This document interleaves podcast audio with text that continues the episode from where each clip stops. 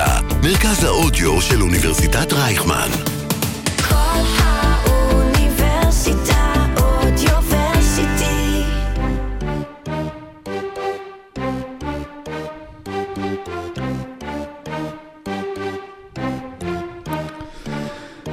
טוב, קבלו את האירוע המדהים שהתרחש השבוע בעולם הספורט ואף אחד לא מדבר עליו. כל ליגות, אבל כל ליגות הכדורגל המקצועניות בעולם, עצרו, פסקו, והכל בגלל שעונת ה-NBA המדהימה שמתפתחת מול עינינו, כל כך מסקרנת ומדהימה את העולם, שאמרו, לא רוצים לראות כדורגל, רק רוצים לראות מה, אה, מה קורה בליגה. ואם אפשר אגב גם להחביא את התחזיות אה, דירוג שלי לפתיחת העונה, אני יותר מאשמח. כי מי האמין כש fucking פורטלנד טרייל בלייזרס תוביל לטבלת המערב, שיוטה תעשה tanking אבל הפוך, סקרמנטו תהיה מכונת נקודות, וזה עוד לפני שדיברנו על אטלנטה, משהו, וושינגטון ואפילו על הניקס, שמרחחות מרחחות מתחת לצמרת המזרח, שם ממתינה קבוצה שאיבדה את המאמן שלה בתחילת העונה. בכל מקרה, אם לא באמת קניתם את הסיפור שלי בתחילת הפתיח על הסיבה שליגות הכדורגל יוצאות לפגרה, ואם גם אתם עוסקים עכשיו בתחזיות וניחושים לקראת טורניר הכדורגל הקטנטן שמתקיים בקטר, תסתכלו על העונה הנוכחית ב-NBA וקחו איתכם עצה- קטנה גדולה שאסור לשכוח. בספורט, ואגב, כמו בחנות למכירת אה, גרזנים, הכל יכול לקרות. פרק 117 של עושים NBA, יצאנו לדרך.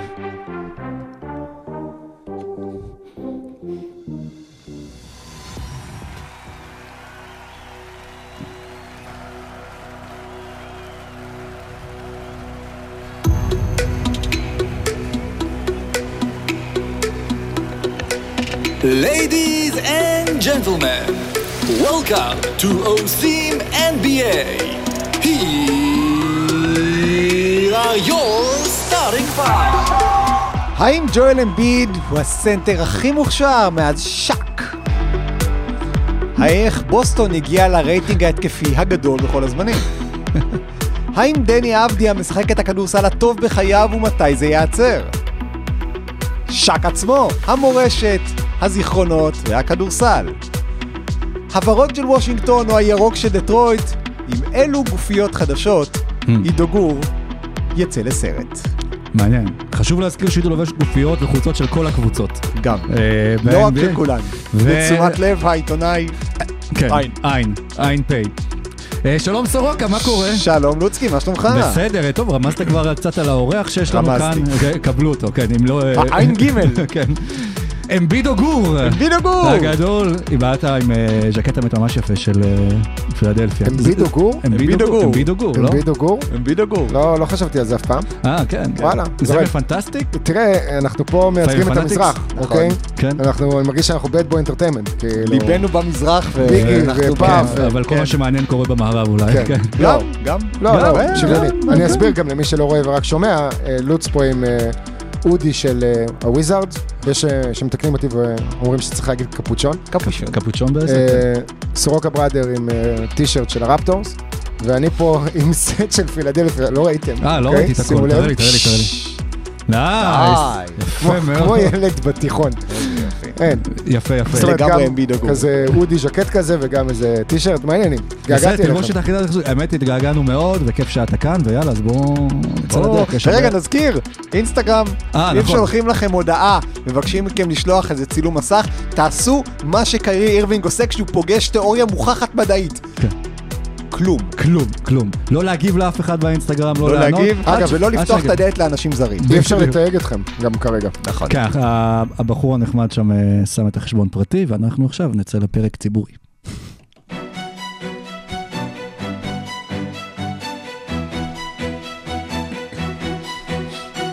רבע ראשון, אז רבע ראשון אה, של עושים N- אה, NBA, וברבע הזה אנחנו אה, נדבר על קצת מהדברים המעניינים שקורים דווקא באזור המזרח. ואם באזור המזרח עסקינן, יש עידו גור שהולך לבקר באזור המזרח עוד מעט. כולם טסים לקטר, ורק עידו, טס... רק עידו טס במטוס ולא כן. בקטר. נכון, נכון, ולראות NBA. חותך במהלך המונדיאל, כן. כן. אמ, אוטוטו, ממש עוד שבוע וחצי ביום שבת, הנסיעה הראשונה של העונה הזאת, ושמעו, יצא לי כבר להיות בפודקאסטים ולדבר על הנסיעות, ובכלל, לספר על כל משחק ועל כל פעילות, ואני מניח שהמאזינים של הפודקאסט הזה גם שמעו את זה כבר, אז לא נחפור יותר מדי, אני רק אגיד לכם שבשלב הזה, אני מופתע לטובה. זאת אומרת, הטיול הראשון זה טיול שמראש הרגיש לי שהוא קצת ריסקי, כי גם הוא נופל על תקופת המונדיאל. אה, וגם אין לנו הרבה זמן לפרסם אותו באמת, כי עלינו עם כל הסיפור הזה איפשהו באמצע ספטמבר, וזה טיול שהוא ממש מעבר לפינה, ובדצמבר יש טיול שאולי דומה לו בצורה מסוימת, פחות במשחקים, אבל ביעדים, מן הסתם ניו יורק, שם נהיה בניו יורק, פילדלפיה ובוסטון, בטיול הראשון שאנחנו נוסעים אליו עוד אה, שבוע וחצי, נהיה בבוסטון, ניו יורק ווושינגטון, אה, ועדיין אנחנו כמעט fully booked, יש לנו עוד איזה שניים, שלושה מקומות אחרונים אה, שנותרו פנויים, שאני אמרתי מניח לכם שגם שהעולם עוצר. בשביל ה-NBA. עכשיו, תראה, זה שאנשים גם טסים במונדיאל וזה, ל-NBA זה בכלל מסי מגניב. אומר כאילו שי גילג'ס אלכסנדר, איך אני יכול להפסיק לראות את הדבר הזה את? התופעה הזו. לגמרי. לגמרי. טוב, זה מגניב. אני, יצא לי להיות, אה, לא, לא בטיול, אבל בזמן שעידו היה שם אה, בטיול, וראיתי כאילו את המלונות, את המשחקים, את החוויה, את הקבוצתיות כזה של ביחד, שכזה זה כיף, זה כאילו אתה יוצא עם חבר'ה בסוף מה... זה ממש אה, חבר'ה, כן, כן. יש אנשים שנשארים, נשארו חברים, אנחנו, קבוצות הוואטסאפ שלנו של כל טיול עדיין פעילות, ומעבר לשני טיולים האלה, שהם היחידים שפרסמנו עד עכשיו בצורה ברורה עם כל הפרטים, אז בפברואר אנחנו נוסעים לחוף המערבי, רגע לפני האולסטאר. אה, יו, יו, יש לי משהו לספר לכם. אוקיי. את זה לא יצא לי לחשוף יותר מדי, דיברתי על זה רק ב-103 FM, אה, לפני כמה ימים. רק שזה לא יהיה חשיפה של ג'וש פרימו. לא, של משה פרימו. זה מדובר בשתי חשיפות מגוון אחר לגמרי, כן, אבל בכל אחת מהן יכולה להיות איזושהי בעייתיות. אמ, קבלו, אוקיי? אנחנו, יש את כל הפעילויות המיוחדות, ודיברתי איתכם, יורדים לפרקט, זורקים אה, מהעונשין, בין אם זה לפני משחק, אחרי משחק. מקבלים מקום בחמישייה של. הלייקרס. לא רחוק, לא רחוק, האמת שזה לא רחוק. ב-19 בדצמבר אנחנו טסים, אה, דיברת על מונדיאל, אז ב-17 בדצמבר זאת הנסיעה השנייה, ממש עשרה ימים אחרי שאני חוזר מהנסיעה הראשונה. אה, וב-18 בדצמבר, אגב, זה היום אה, שאנחנו רואים בו את המשחק הראשון של בוסטון נגד אורלנדו, המשחק בשלוש בצהריים בבוסטון, רק שב-10 בבוקר, שעון ארצות הברית, זה גמר מונדיאל. אז כבר סגרנו אה, גם ספורטס בר שלנו, לראות את המשחק כולם ביחד. עם ארה"ב בגמר המונדיאל כנראה.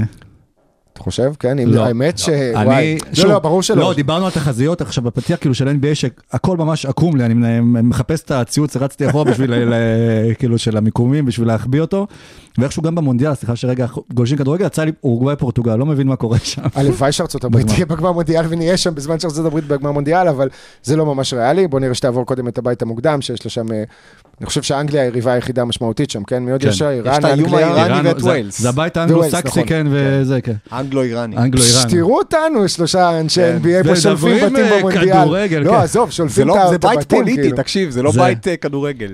תגיד לי איפה גאנה וסנגל, אין לי מושג, אבל ארה"ב, לא, איראן, סנגל עם אנגליה, הולנד, הגזמת. תכלס, אם יש דבר שעזר לי ללמוד גיאוגרפיה מגיל קטן, זה זה ספורט, כאילו. קבוצות, מזרח לא אירופאי, רק זה, אתה יודע מה אני עכשיו אה, מדינות? בארצות הברית. אתה יודע מה, רגע, בוא נסגור קודם את הנושא אה. הזה, כי אני רגיל אני לפתוח נושאים וזה. כן. אמ, 19, זה היה ב-18 בדצמבר, היום של גמר מונדיאל, ולמחרת אנחנו נוסעים לפילדלפיה. באותו יום יש משחק בשבע בערב של פילי נגד טורונטו, שזה ממש אני וסורוקה עכשיו עם הבגדים, ראש בראש. clash, תכננתי. נעשה תמונה לאחר כך, כן. באחת בצהריים, אנחנו מגיעים לווילס פארגו סנטר, חמש שעות לפני המשחק, ומשחקים כדורסל. אה? העולם שלנו, שעה. אולם NBA שלנו שעה. לשחק חמש על חמש, נהיה יותר מעשרה אנשים, כן, אז נעשה גם חילופים צריך רק ועניינים. את סטנלי שוגרמן על. הקווים. אמ, כן, לא. בינתיים אה, אין שם אף אחד שימלא את תפקיד הגארד חוץ מטייריס מקסי, כן? כן. כי כולם בקבוצה הזאת נופלים, אבל אמ, זה מה שקורה בדצמבר. פברואר זה טיול החוף המערבי, זה LA וסן פרנסיסקו, וזה משחקים שהם יוצאי דופן, וטיול שעוד לא פרסמנו זה הטיול של מרץ. אה, אנחנו נוסעים בחופש פסח. יש אה, היענו- היענות מאוד מאוד גדולה, מן הסתם, אנשים עם חופש יותר ארוך, יכולים לבוא גם אה, משפחות שלמות, ובנוסף לכל זה, עכשיו הנה עוד חשיפה. שוב, זה ברמה הרעיונית, אנחנו בודקים כרגע עניינים. מה שגילינו בעבודה שלנו בחודשים האחרונים, זה שאני, בשבילי, כל הסיפור הזה היה ה road trip, אוקיי? לנסוע ממקום למקום, לראות חמישה משחקים, להרגיש את הלו"ז העמוס, לעבור בכל מיני rest stopים כאלה ולאכול טאקו בל או whatever, כאילו את החוויה האמריקאית המלאה. אה, אבל גיליתי שלא לכולם זה הכי מתאים. יש אנשים שזה כבד עליהם. כאילו בשבילי לטוס לארה"ב, אם טסת כבר לארה"ב, אז זה לפחות צריך להיות איזה עשרה ימים, כן? כבר כן. עשית את הטיסה 11 שעות, אה, חזור, 12 בערך הלוך, לא משנה. אבל אה, כמו שאמרתי, לאנשים מסוימים זה לא בא טוב, או יותר נכון, זה קצת עמוס. ואנחנו בודקים עכשיו אפשרות לעשות נסיעה שהשם שלה הוא גם, זה מתבקש, קצר וקולע, אה, בסוף חודש ינואר, לשלושה משחקים בניו יורק, ניקס נגד לייקרס, עם סיכוי נמוך עכשיו, אבל עדיין סיכוי קיים שלברון ישבור את השיא בגרדן, מתבקש גם, כמו שסטף עשה בשנה שעברה, אה, לאחרי, אחר, משחק אחרי זה ניקס נגד מיאמי, וסוגרים סיפור בברוקלין וושינגטון, זה שיש, כאילו טסים ביום שלישי, חוזרים ביום שני. יפה. רק בניו יורק, בלי כל הסיבוכים. קצר וקולע זה שם נהדר. נכון. כן, בוא חשבתי. נדבר, טוב, אז- אז- נדבר על מישהו שהוא ארוך וקולע? כן, וחוסם, אם אתם כבר עולים על המגרש? בוולס רגע, רגע, פארגו. רגע, כן, רק כן. נסגור, אה, יצירת אה, פרטים, יש לנו אתר, nbatrips.com, אתם יכולים לפנות אליי באינסטגרם, ואם כבר הסיפור של הכדורגל, של המונדיאל, אה, אני חזרתי עכשיו בפול און לפיפא, משהו שלא עשיתי שנים, כן? לא שיחקתי אה, אה, פיפא, שיחקתי 2K, בעיקר בשנים האחרונות, וזה הזכיר לי את הידע שלנו בספורט, דיברת על גיאוגרפיה, אנחנו יודעים איך להגות כל שחקן, שם של כל שחקן, דרך המשחקים האלה. נכון. ואני עכשיו בתור מגיש בחדשות הספורט, אוקיי? יש שמות שאני נתקל בהם בפעם הראשונה. נגיד, אנקונקו. אמרתי את זה נכון? זה לא קשור. אז אני- אין לי מושג, לא לא אני... יכול להיות שחלק מהקהל פה גם לא יודע הייתי מי זה. דה ברוינה, אבל כן. לא, לא, אני מדבר אבל על השחקנים שהם לא- לא? לא כוכבים. הגדולים. כן, אבל שחקנים כאלה שלא יודע, סתם קאנסלו, בסדר? אה. שמות שלא לא ראית ולא היית נתקל בהם אם אתה לא רואה כדורגל באופן... בוא, בוא נלך אבל לשם שכולנו יודעים להגות, אוקיי, וזה. וזה ג'ואל אמביד. ואתם תהיו בוולס פארגו, אז תזרקו לסל, יש מישהו שכבר זרק שם הרבה לסל השבוע, קלע הרבה לסל שם, ואמביד 59 אה, נקוד, אה, נקודות. כן, 11 ריבאונד, 8 אסיסטים, 7 חסימות, וכל זה. משחק שהקבוצה שלו קלה 105. בדיוק. זה ש... 56 אחוז פסיק משהו מהנקודות של הקבוצה שלו, שזה שם אותו ב... באזור הטופ 5. עכשיו, אני, וככה אני לא פילדלפיה מכניס... מצליחה לטפס למקום השמיני במזרח. רגע, אני רק אה, אגיד שאני לא אה, מחשיב את ג'ורג' מיקן. כן. ג'ורג' מיקן כלה באיזה משחק NBA בתחילת הדרך 15 נקודות מתוך 18. כן. אז הוא מחזיק בשיא של ה-83 אחוזים. יש ג'ורג' מכאן, יש את ג'ורג' וויל משם. צ'מברלן שהוא כן. ראשון, ואת אה, קובי שהוא שני כמובן עם ה-81 נקודות, זה 66 אחוז מהסקור של הלייקרס באותה קבוצה, אה, באותו משחק. שמעו, אמביד זה, אה, אני אגיד לכם משהו, אוקיי? זה זה ומבניאמה. זה מצחיק שאני אומר את זה, זה ומבניאמה פחות כמה סנטימטרים. שאם אמביד היה בריא לכל אורך הקריירה שלו, היו לו כבר כמה אליפויות, וזה לא משנה הקבוצה שהוא משחק בה. אם הוא היה משחק 70 ומשהו משחקים בעונה, והמאזנים היו יותר טובים, והיה יתרון ביתיות בכל סיטואציה, הוא השחקן בעיניי שיש לו את החבילה הכי שלמה ב-NBA. זה לא משנה הקבוצה שהוא. משחק בה, תגיד את זה לדורנט על הציטוט האחרון שלו שאנחנו נגיע אליו אחר כך, שתראו במי אני מוקף. אה, זה, כן. אז אה, דורנט אולי פחות טוב מאמביד. סתם, מה זה פחות טוב מאמביד? הוא שחקן אחר, פשוט העוצמה של אמביד והיכולת שלו להשתלט על המשחק, אה, זה היה נגד יוטה, המשחק הזה, ובדקות האחרונות פשוט רואים אותו מטייל לתוך הטבעת בלי הפרעה, ואם יש הפרעה אז הוא הולך לקו, ומהקו הוא קולע במעל 80 אחוז, והגיע לשם 24 אה, פעמים במשחק ההוא, אם אני זוכר כן, נכון. כן, 2024. 2024. הוא עוד ירד לעצמו שהוא יחטיא יותר מדי מהעונשין. הדומיננטיות שלו והעוצמה שלו ברגע שהוא... מה אפשר לעשות? זאת אומרת, אי אפשר באמת לשמור אותו. מבחינת הסייז שיש לו, והסקילסט שיש לו, והיד הרכה שיש לו, והאינטליגנציית משחק שיש לו, והקשיחות. זאת אומרת, זה הכל, החבילה השלמה בשחקן אחד. אולי הוא היה יכול להיות יותר אה, קפיצי, לנטר יותר גבוה, להיות טיפה יותר מהיר, זהו, ואז היה לכם באמת את השחקן עם הסט תכונות הכי שלם ומלא שראינו. זה שחקן שבפועל משחק כדורסל, נכון? כבר אה, רק כמה, איזה ש- ש- 12 שנים, מגיל הוא- 15 בקמרון, הוא התחיל. אה, לשחק... אה, 14-15. אני חושב שבנוסף למה שעידו אומר, יש משהו באישיות שלו שהוא לא, לא הסופרסטאר הקלאסי, כלומר הוא קצת טנטטיבי, קצת כזה מנסה להפיל על דברים על אחרים, הוא כאילו לא בן אדם שלוקח את האחריות ומעמיס את כולם על הכתפיים ואחריי. יש בו משהו שעדיין חסר, שגם נובע מזה אוקיי, שהוא כאן אתה גדל. מדבר על המנטלי. כן, כן, אני אני- דיברתי עד עכשיו רק על המקצוע. נכון, לא, מקצועית, מקצועית אני מסכים איתך לגמרי. אגב, הוא קשה להיות יותר קפיצי במובנים האלה, כי יש לו משקל גדול, ו- ויש מומחים גדולים ממני לאנטומיה, אבל קשה להרים את כל הדבר הזה לקפיצות. ועדיין, אגב, כשהוא קופץ, יש לו מוטת ידיים מטורפת, יש לו יכולת הטבעה מטורפת, יש לו עוצמה אתה מטורפת. יודע, אמר דווייט האוורד התווכח על האמירה הזאת. לא, נכון, דווייט האוורד- שחקן שהיה לו משקל והוא קפץ, מה זה קפץ? אבל לא היה לו שום ארסנל התקפי. ולאמביד יש. נכון. ובגלל זה אני חושב ש... בגלל זה, אגב, כל ה case שלי נגד דווייט האוורד ל-hall of fame, זה... זה... אני, אני חושב שהוא ייכנס לשם, זה שהוא לא מיצה את הפוטנציאל אני שהיה לא לו. מאשים את אמביד, אין דבר כזה, השחקן המושלם, שיש לו נכון. גם את הפיזיות וגם את הניתוב וגם... אני פשוט אומר שהוא הכי קרוב לזה. נכון, אבל אני, אני חושב שהאוורד, לפחות בתחילת הקריירה, לא הייתה לו את המסה. הוא היה, הוא היה מאוד פיזי, אבל הוא לא היה לדעתי כבד כמו אמביד היום. אם אני זוכר נכון. הזה- אבל בעונה שמינית בקריירה, תשיעית כן, בקריירה, כן. עזוב שהוא לא שיחק בשנתיים אה, הראשונות, שנתיים וחצי. אגב, עוד משהו בעניין הזה, יוטה, דיברנו על זה בתחילת השנה, שיוטה בנתה קבוצה מאוד מוזרה. בהתחלה זה היה כדי הטנקינג, אף אחד לא ידע שהם יתחילו 10-3, אגב, הפסידו את שלושת המשחקים האחרונים, אני זוכר נכון, כולל בבית לניקס. אנחנו כולנו כל הזמן, אם אני זוכר נכון, זה כאילו, אתה יודע, אנחנו אומרים את זה בשביל ש... כן. אם טעינו, וכנראה שטעינו, כן. כי יש, במקרה הזה לא טעינו, גם אני היום דיברתי על יוטה, זה שלושה הפסדים רצופים, שהתחילו במשחק נגד וושינגטון. נכון. אמ, אבל זה קטע זה כדי נקרא- לבטח ננצח את עצמנו. זה אתה נקרא מבין? משבר? כאילו, בקבוצה שרוצה tanking, או זה שזה נקרא. הצלחה, הרדי יקבל בונוס. יוטה בנתה קבוצה שאין בה מסה מתחת לסלים.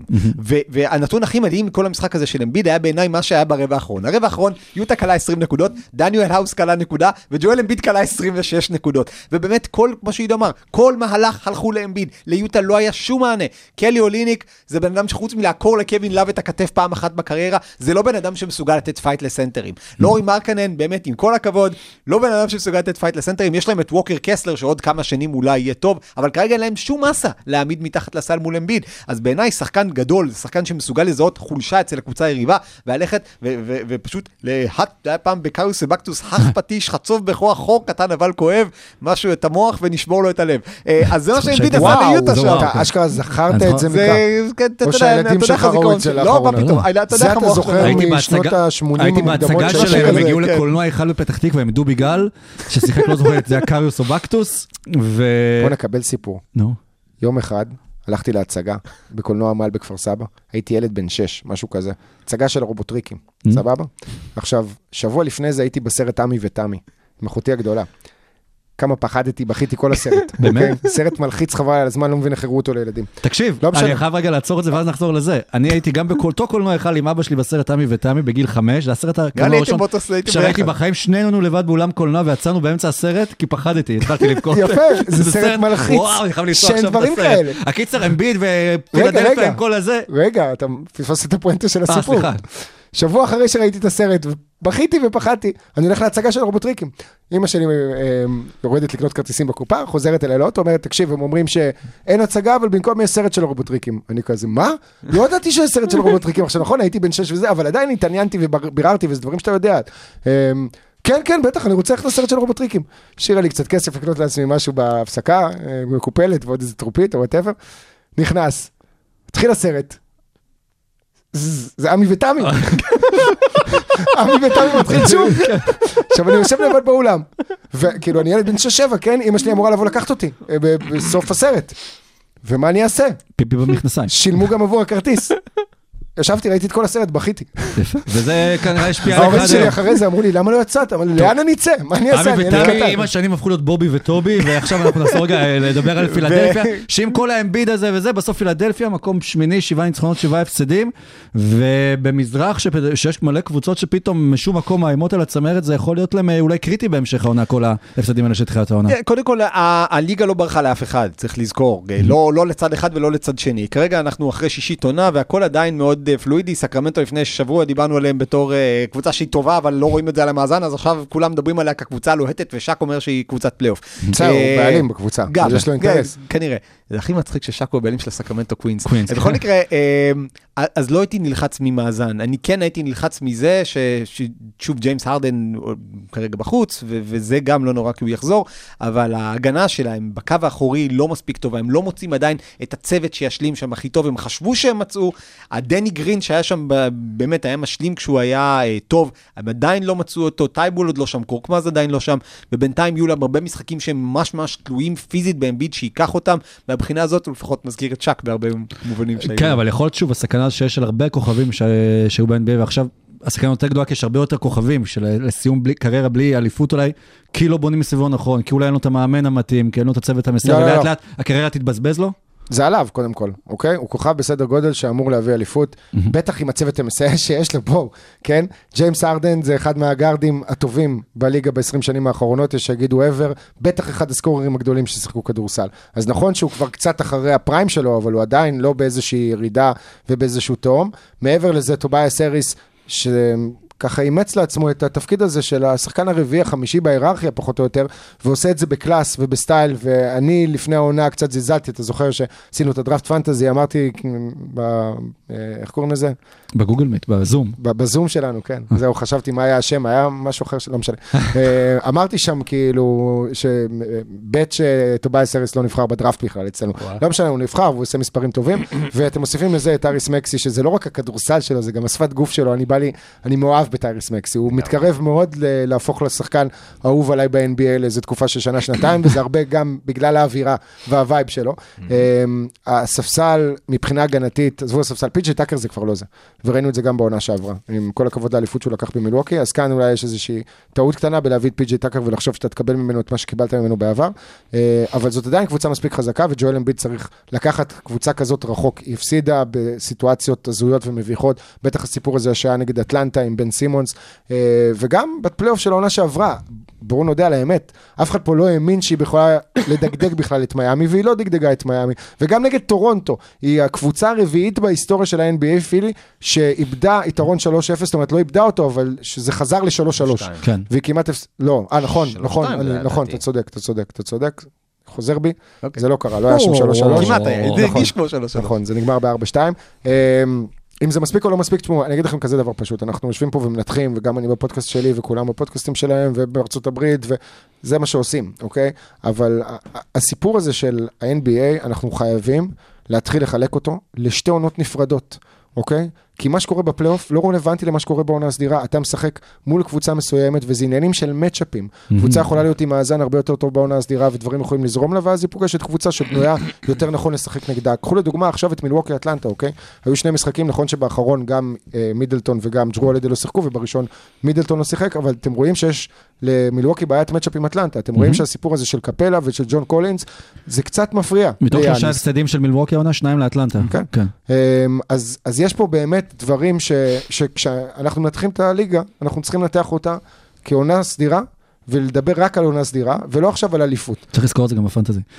ויחד עם זאת, פילדלפיה כנראה לא חומר לאליפות. אני אה, מרגיש קצת מטומטם, כי האמנתי בהם בקיץ. שמתי אותם בהימורים, וזה, הקיץ זה הקיץ, האמנתי בהארדן, עשה דיאטה, הוריד בשכר, אווירה מאוד חיובית וטובה, אבל כדורסל wise, יש להם, הם מסתמכים יותר מדי על שלושה שחקנים בצד ההתקפי, שלושה וחצי, טובייס הוא אוסף את השאריות, וכל השאר הם לא מצליחים לבוא לידי ביטוי.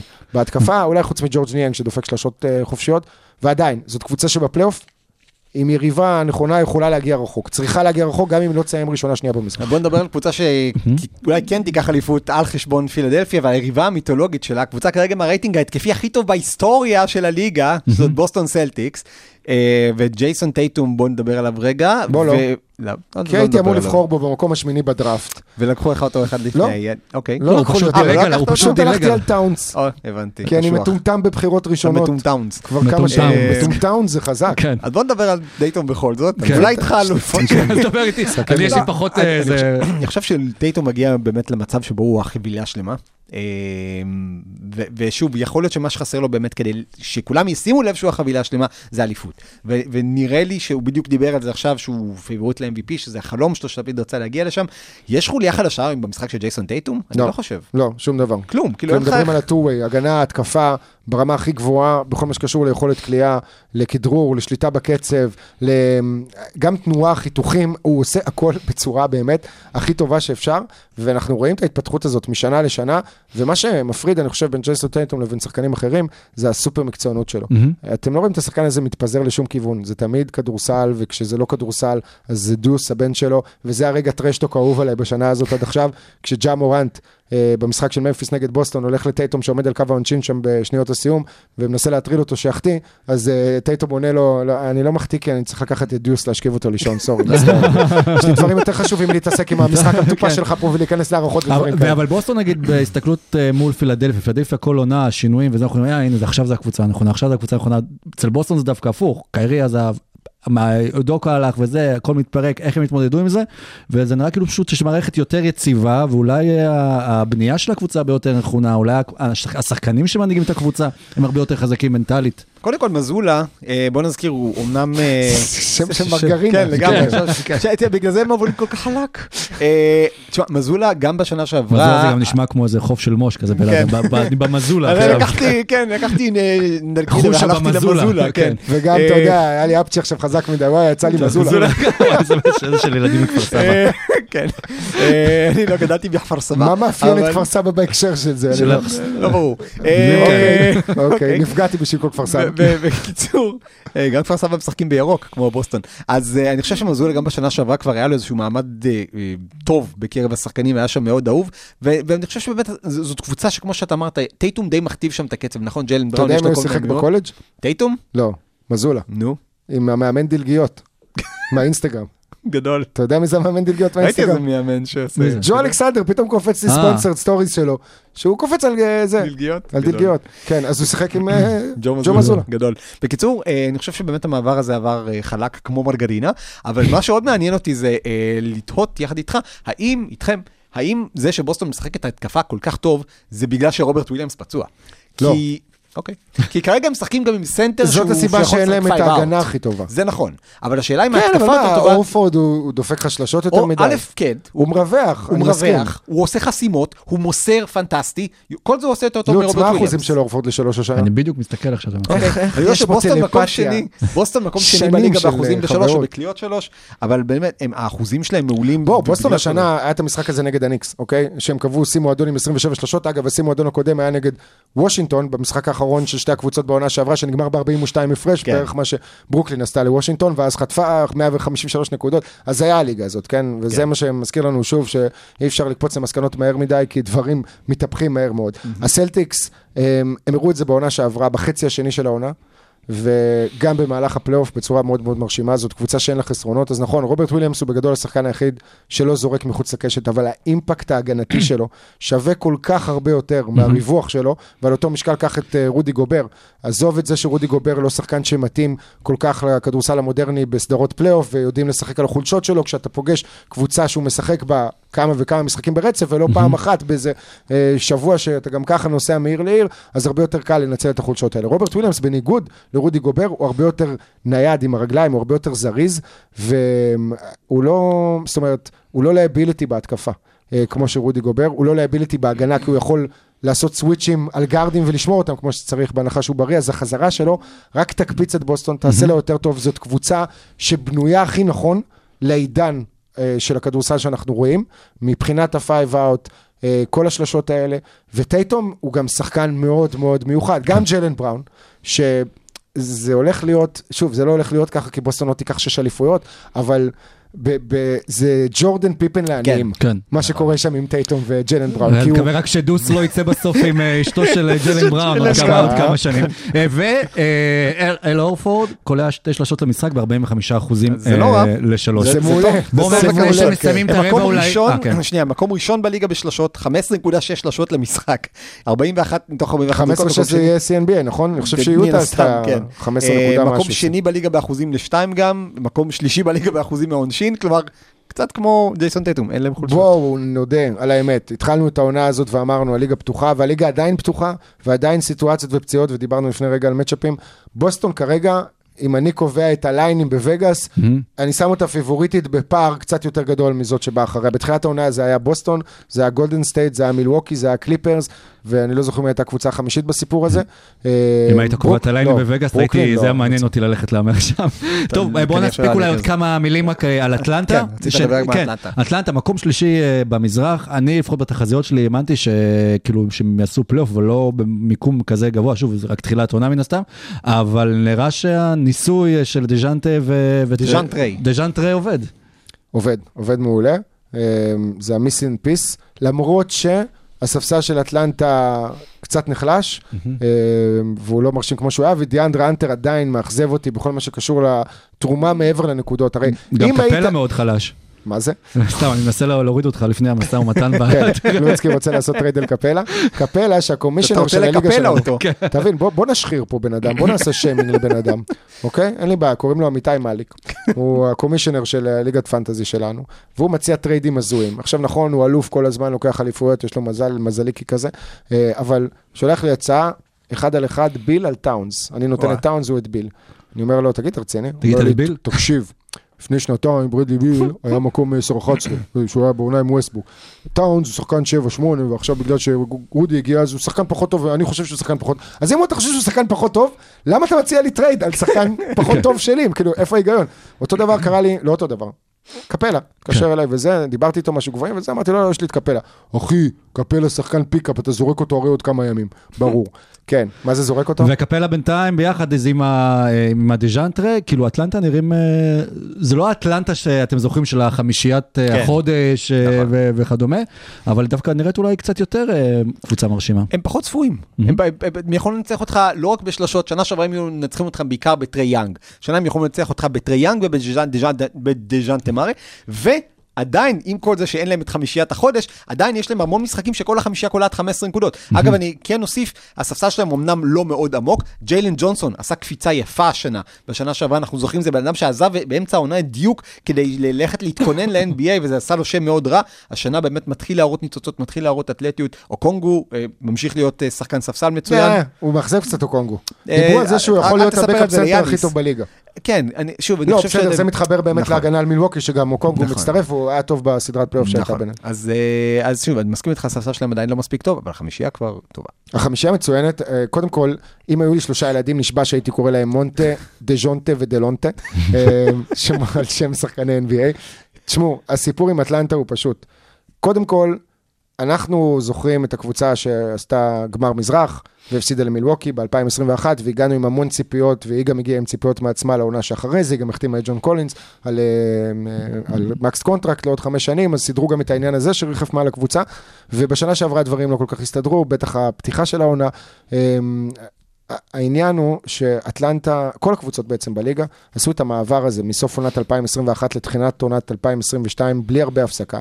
באמצע היו גם לא מעט פציעות וקורונות ודברים כאלה, אז אני חושב שזה קצת הוציא אותם מ balance. דז'ונטה, זה הסיפור. דז'ונטה מארי, שהוא הוא הפך להיות fucking stud, אה, שחקן רע כזה, שראינו את זה גם בקיץ עם הסיפור עם בנקרו, שהם לא שיחקו עדיין, אחד נגד עדיין. לא מחכים נכון? לזה. לא, שיחקו ב- בסוף שבוע הראשון של העונה, לדעתי, לא שמישהו מהם היה פצוע. זה היה ביום שישי הראשון של העונה, לדעתי. כן? ביום ביניהם. השישי הראשון של העונה? אני כמעט בטוח שכן. היה לא הולנד משנה. ואטלנטה? איך הדבר הזה אה, ככה...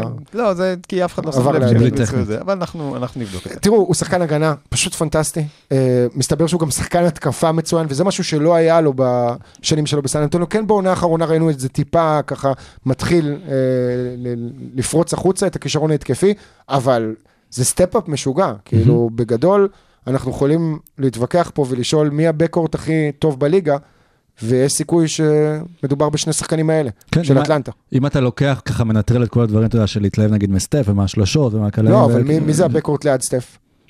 קליי זה נכון. כבר לא, אתה לא יכול, Splash Brothers זה אגב, כבר לא. ביין מורנט, אולי. ביין מורנט. סבבה, מורנט. ביין מורנט אני מסכים איתך שיש שם fight, אבל עדיין, טריי הרדן מקסי ודז'ונטה, בשיאם? לא, מקסי וארדן, אני לא שם אותם שם. אוקיי. מקסי אני אה, אוהב אותו מאוד, ואני חושב שהוא גם יכול להיות all-star, אבל זה עוד לא ברמה של דז'ונטה ושל. אה, דז'נטה קלע 20 נקודות במשחק נגד פאולו בנקרו, שקלע 6 מ-18 מהשדה נגדו, וסיים גם הוא עם 20 נקודות. יפה, טוב, אז אה, נמשיך הלאה? נמשיך?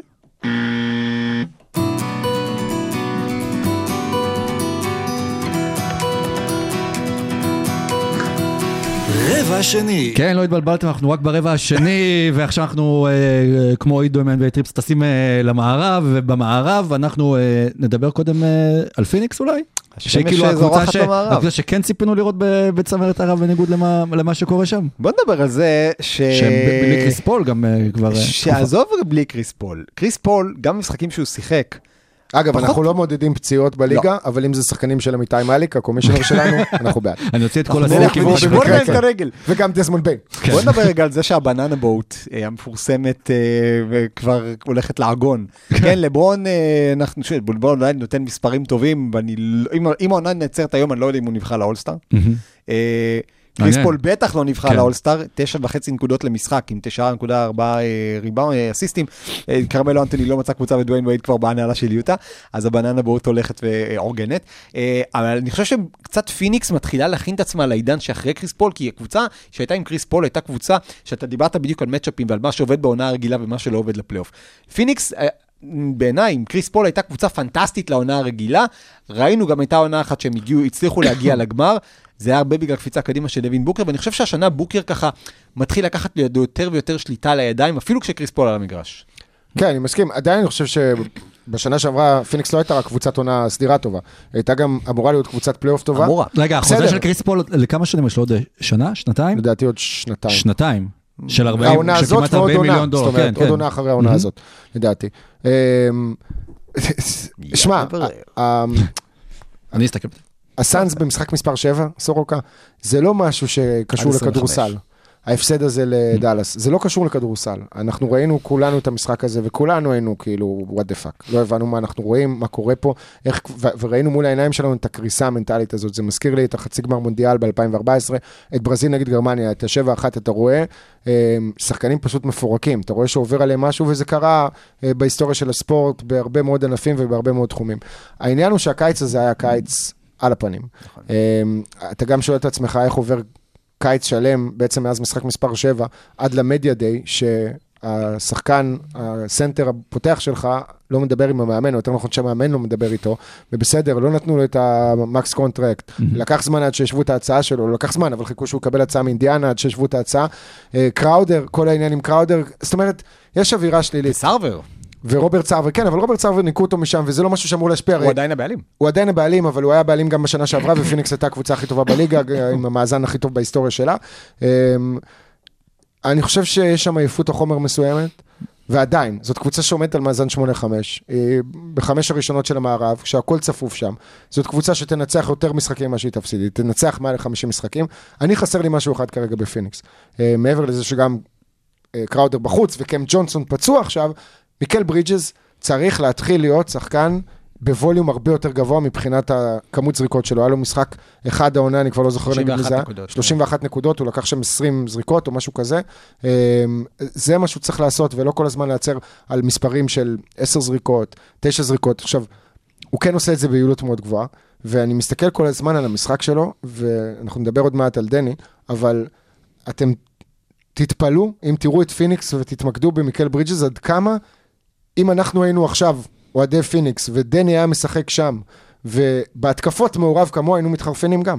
הוא לא מעורב בהתקפות, הוא עומד בפינה, פשוט עומד בפינה, ולפעמים הכדור מגיע אליו, לפעמים הוא עושה איזשהו חיתוך. אז אני צריך לראות אותו יותר דומיננטי, אה, גם עם מינים אישיים, כמובן, אבל אה, אני לא חושב שיש לנו יותר מדי מה לצפות מפיניקס השנה. היא קבוצה במצב לא טוב, מנטלית. וקריס פול, בין אם הוא בריא או לא בריא, יש פשוט כוחות עולים במערב שהם יותר טובים, יותר רעבים, אה, יותר צעירים. אה, היינו ערך ממפיס, ניו אורלינס, וגם בעונה שעברה, אתם ראיתם שהפליקאנס כמעט ניצחו את, אה, זאת אומרת, נגמר 4-2, כן? ובוקר פספס שם את הסדרה, או כמה משחקים בסדרה הזאת, או שזה היה קריס פול, מישהו שם לא שיחק איזה כמה לא, משחקים. פול- פול עשה את ה... פול עשה את אני המשחק המושלם כן, שם. כן. כן, במאה. אחוז.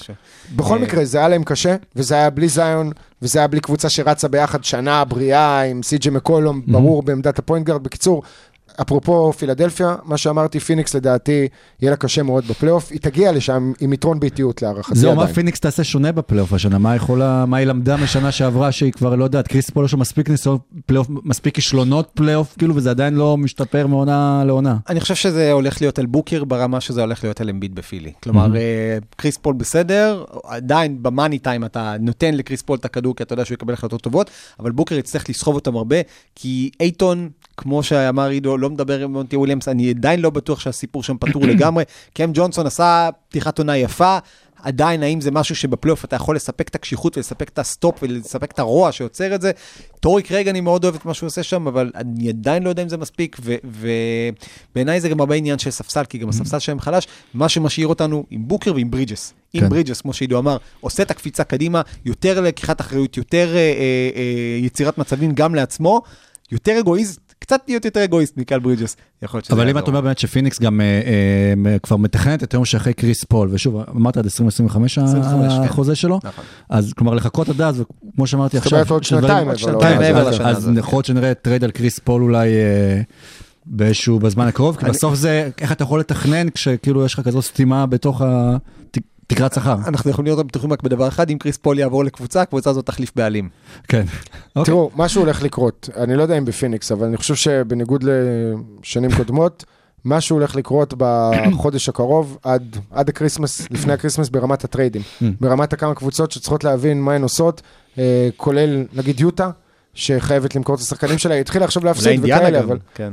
אה, עוד כל מיני קבוצות שהלייקרס אה, בסימן שאלה גדול מאוד. יוטה זה כמו, איך קראו למלך שכל מה שנגע הפך לזהב, אה, מידע? מידס. מידס. כן, אז זה כאילו, לא, עושים? כולם מצליחים פה. כן, לא, לא מדויק, אבל אתה יודע, התחילו בהצלחה, כן. אה, ואנחנו רואים את השלושה הפסדים הרצופים, ויוטה מתחילה לחזור לממדים שלה, והעומסים מתחילים להשפיע, גם על קונלי, אה, ששיחק בבק טו בק, זה משחק עכשיו שהיה לאחרונה ביום ראשון. כן. עכשיו, אני לא מבין את הדברים האלה. שמה?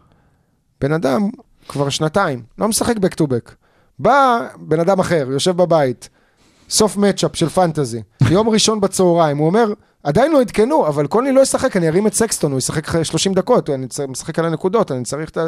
בסוף הבן אדם משחק, סקסטון עולה מהספסל כרגיל. הכל נגדך. אה, בן אדם שכן מאושר מהשבוע בפנטזי זה אני, כי ניקולה יוקיץ' אה, שמשחק נגדי אה, נכנס ל... אין דברים כאלה, הבן אדם פעם ראשונה מפספס באמת משחקים, אתה מבין? ספטי פרוטוקול, כן, תכלס זה, שזה סכנה קודם כל מבחינת דנבר, כי יוקיץ' שבוע בבית זה אומר שהוא יחזור עם איזה 10-20 קילו כנראה עודפים של קולות ופיצות וברבקיו וכדומה, ודנבר דווקא הייתה כאילו קבוצה במומנטום טוב, מרי חזר ויוקיץ' היה יוקיץ', ועכשיו השאלה אם זה, שוב, זה יעצור אותם, ייקח אותם אחורה. שוב, מה זה יעצור אותם, ייקח אותם אחורה? אני שואל אותך על מה אנחנו מדברים, אנחנו מדברים על עונה סדירה. יכול להיות שהם לא יסיימו במקום הראשון אה, במערב בעונה הסדירה. לגבי מה שיקרה זה בהמשך, כבר לא אבל מקום ראשון רק, כלומר יש כל כך הרבה קבוצות, זה נראה לי יתרון ביתיות גם אה, שחשוב אה, לפחות במערב, אנחנו נראה את זה בעוד מעט בנתון ורבע בהקשר של גולדן סטייט. אני אגיד לך זה- כזה דבר על דנבר. כן. אני חושב שאפרופו מה שאמרתי על בוסטון, דנבר פייבוריטית ברורה בעיניי להגיע לגמר. גמר NBA או גמר מערב? בהנחה שוב שכולם בריאים, שמייקל פורטר באמת עושה את העונה הזאת, את הפלייאוף, את הכל כמו שצריך, ולא נפצע בגב, וג'מאל מארי ממשיך להיראות כמו שהוא נראה עכשיו, אה, וגם עם זה שאין להם את הספסל הכי מרשים בעולם, השנה אני רואה אותם עושים גמר NBA. שיחליפו נגר. קודם כל, בעיניי זה דנבר ודאלאס אגב. יהיה- זה יהיה יוקיץ' לוקה בגמר מערב. חלום. הלוואי. אה, תראה, קודם כל ג'מאל מארי עדיין לא באמת חזר להיות ג'מאל מארי, וג'מאל מארי גם כשהוא טוב, אז הגנתית הוא עדיין קצת חור.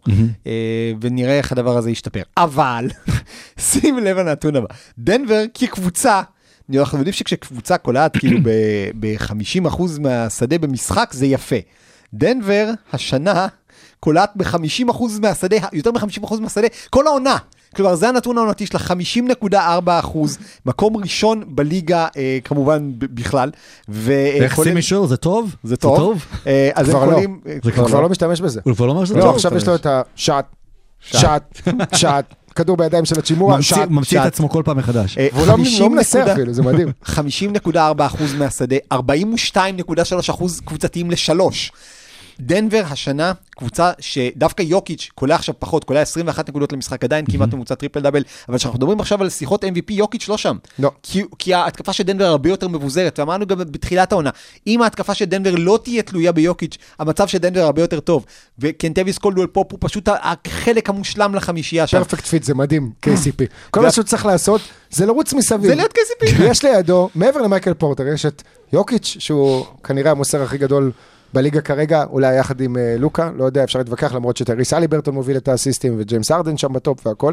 יש לו את ג'מאל מארי שהוא מוסר מחונן, יש לו את אהרון גורדון, שהוא גם מוסר טוב מאוד יחסית. וקאטר מצוין. וקאטר, ויש לך את מייקל פורטר, פורטר ג'וניור שגם עושה את התנועה וכאלה, הוא פשוט צריך לרוץ מסביב לקשת השלוש, מתישהו מישהו ימסור לו כדור והוא יהיה חופשי לגמרי ויזרוק שלושה. ועוד perfect fit שהם הביאו זה ברוס בראון, ש, שבעיניי משדרג להם את ההתקפה בצורה שיש לך עכשיו, דנבר זאת קבוצה שאין לה חמישייה, יש לה שישייה, שאתה יכול מתוך השישייה הזאת להרכיב כל חמישייה אפשרית, וזהו בלי להזכיר את בונס היילנד, בלי להזכיר את קריסטיאן בראון ה rookie שנותן שם משחקים טובים, ואולי הוא לא ברמה שלהם, אבל ברוס בראון זה פשוט שחקן שבעיניי עכשיו אם הם יפתחו עם ברוס בראון סנטר במקום ניקולה יוקיץ', שזה כאילו הבדל של 20 סנטימטר ביניהם פחות או יותר, על- ההתקפה שלהם לא נורא תיפגע. כלומר, זה לא יהיה כמו הדרופ אוף, אם יעשו עכשיו, ישימו שם את זיק נדיו, דיאנדרה ג'ורדן, מבחינת אגב, היופי, הנעת הכדור. ג'ורדן, אתם ראיתם את הסקוונס שלו השבוע? וואו, עם הכדור שברח לו. מהיד איזה 17 פעם, למרות שהוא אה, הוא פשוט זה שהוא- חסר זה לי פשוט תחזיק את זה הכדור, בן הסיבות שהוא. עדיין בליגה. חסר לי, דבר אחד בסקוונס הזה, המוזיקה של בני היל. לגמרי, לגמרי, ככה זה נראה, זה היה ממש ממש מביך, אה, אבל הוא מככב העונה, הוא מככב בצורה אחרת, כמו שהיה עם ה... זה לא באשמתו כמובן, אבל הכרוז של דנבר זה היה רגע ענק. אתם ראיתם את זה במשחק pre season. לא? הכרוז של דנבר. אה, הוא אמר אה, אה, קווין פורטר ג'וניור, לא? אה, אוטו פורטר ג'וניור, לא, משהו כזה, לא. לא, התבלבל בין הפורטרים? הוא התבלבל, לא בין אה, הפורטרים, בין דיאנדרה לדיאנדרה. בין דיאנדרה ג'ורדן לאייטון. ודיאנדרה אייטון. אה, נכון, וואי. אני זוכר את זה, כן. למה זה? דיאנדרה אייטון! ואז אתם רואים את דיאנדרה ג'ורדן מסתכל ככה, יואו, לא מאמין איזה פדיחה הוא עשה לעצמו, כאילו. זה בסדר, במשחק של מכבי חיפה בליגת האלופות האח- האחרון, תמיד מביאים גם כרוז אה, שידבר לקבוצה היריבה, אוקיי. אז הביאו מישהי כנראה שיודעת אה, אה, פורטוגזית, אז היא אמרה, בנפיקה ליסבון, אה, וואן, מכבי תל אביב, וואן, וכל הקהל הגיב ב- ב- בעצבים. טוב, דיברתם על perfect fit, ויצאו גופיות חדשות אה, כן. עכשיו אה, בליגה, אתם רוצים לדרג אותם? תגיד את הטופ שלוש. אם אתם באמת רוצים לדעת את ההסבר לכל גופייה, תעקבו אחרי ה story של אה, סורוקה, כן. וגם תוכלו להצביע ולהשפיע למי שמתגעגע. לבחור בדברים.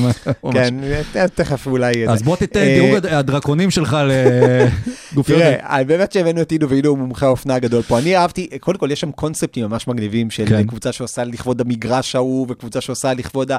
באמת, כל הסיפור הזה שעשיתי אדישן זה מקסים בעיניי. אה, with that being said, אני באמת, יש כמה גופיות שאני אוהב.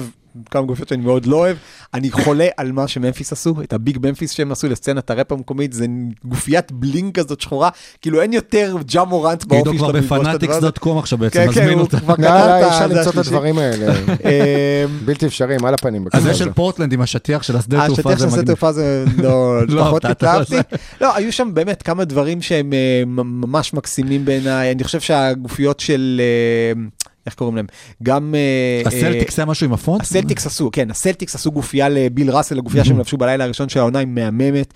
אה, אני מאוד אוהב את הפורמט של מיאמי עם הדברים הגזורים שהם עשו שם, אוקיי. ו- ובעיניי באמת אלה מהיותר אה, יפות. סן אנטוניו עשו גופייה שנראית כאילו זה משהו שקשור, ל- שהוציאו את זה עכשיו מערוץ הילדים, והם עשו הומאז' למדים של האולסטאר ב-96. הייתי בטוח שזה הומאז' לכל הצבעי שיער של דניס רודמן שהיו לו או בקריירה. של ג'רמי סוצ'ן שהיו כן, עכשיו. אה, הם עשו מדים שהם הומאז' כי הם עדיין לא שיחקו איתם, מדים תכלת כאלה מאוד מצוירים שהם הומאז' ל-96, בעיניי גם ממש ממש מקסים. עידו, אה, הפבורטיות שלך.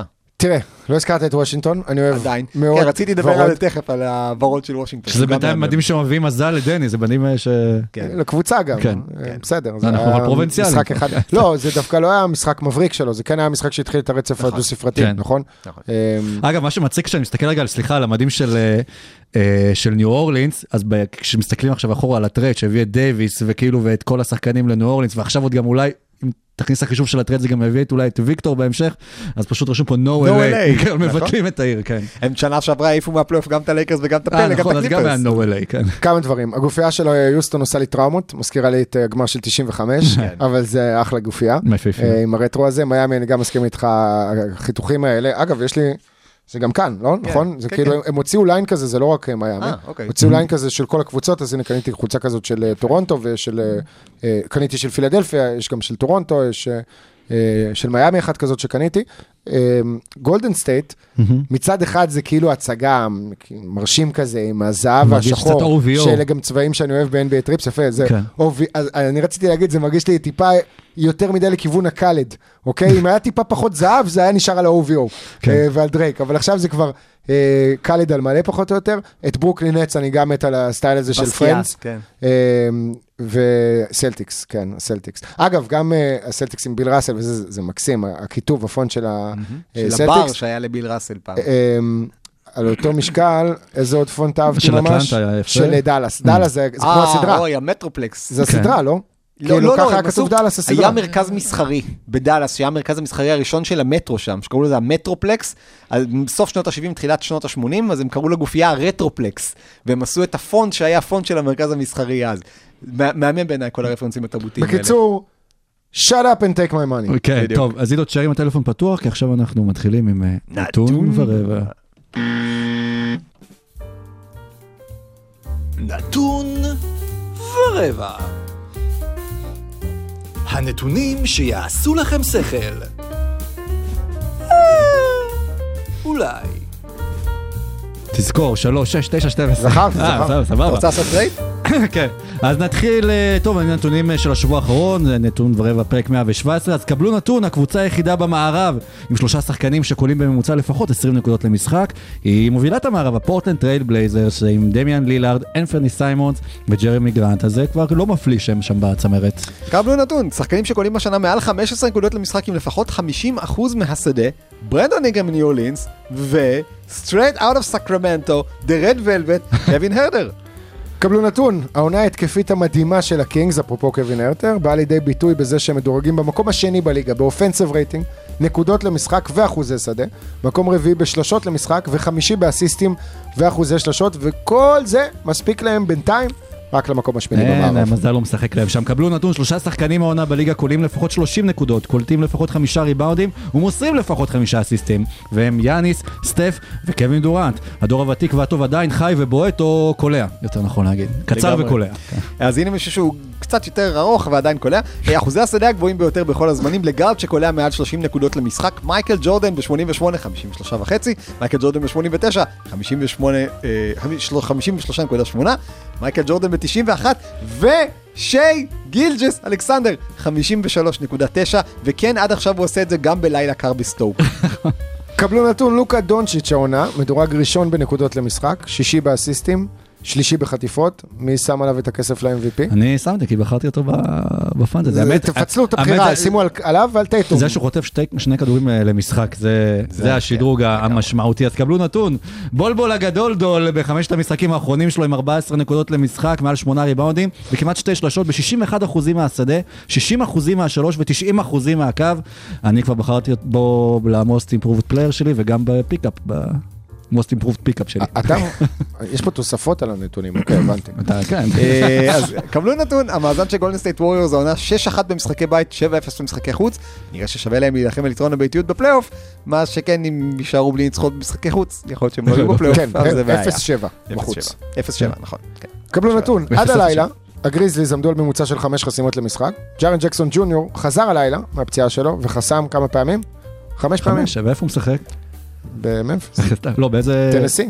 אלוויס פרסלי. לא? תנסי אה, לטייני. כן, תנסי, תנסי יותר. קבלו נתון, מאז 1994 הרחוקה, רק שני שחקנים אה, סיימו משחק עם לפחות 50 נקודות וחמש חסימות.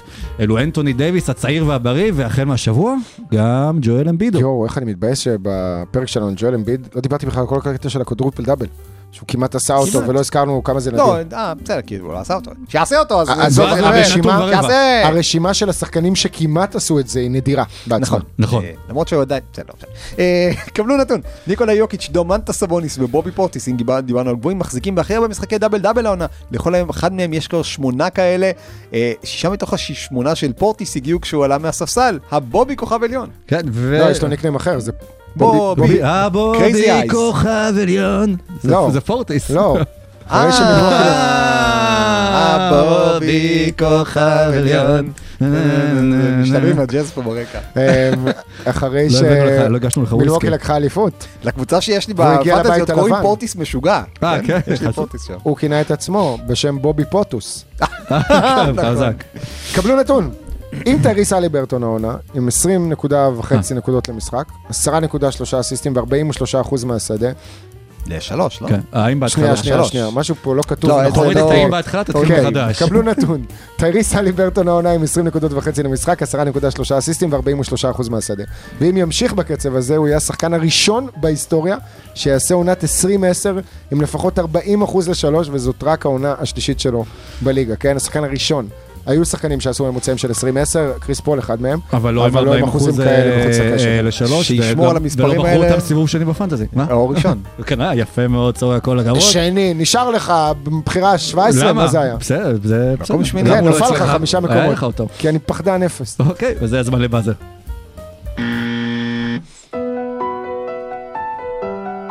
טו-טו-טו-טו-טו.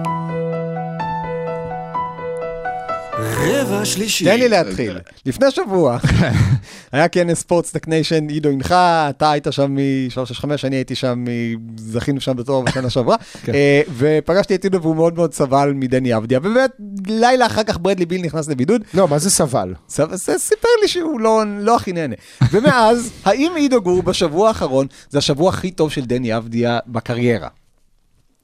לא. אני לא יודע, אני לא חושב שאפשר להגדיר את זה כשבוע הכי טוב בקריירה. אני גם, זה ללכת רחוק, אה, להדביק תקופות מסוימות לכיוונים כאלה או אחרים, בין אם הכי טובים או הכי גרועים, כי לפני זה אפשר היה להגיד באותה קלות, האם זה אחד מהשבועות הגרועים שלו בקריירה.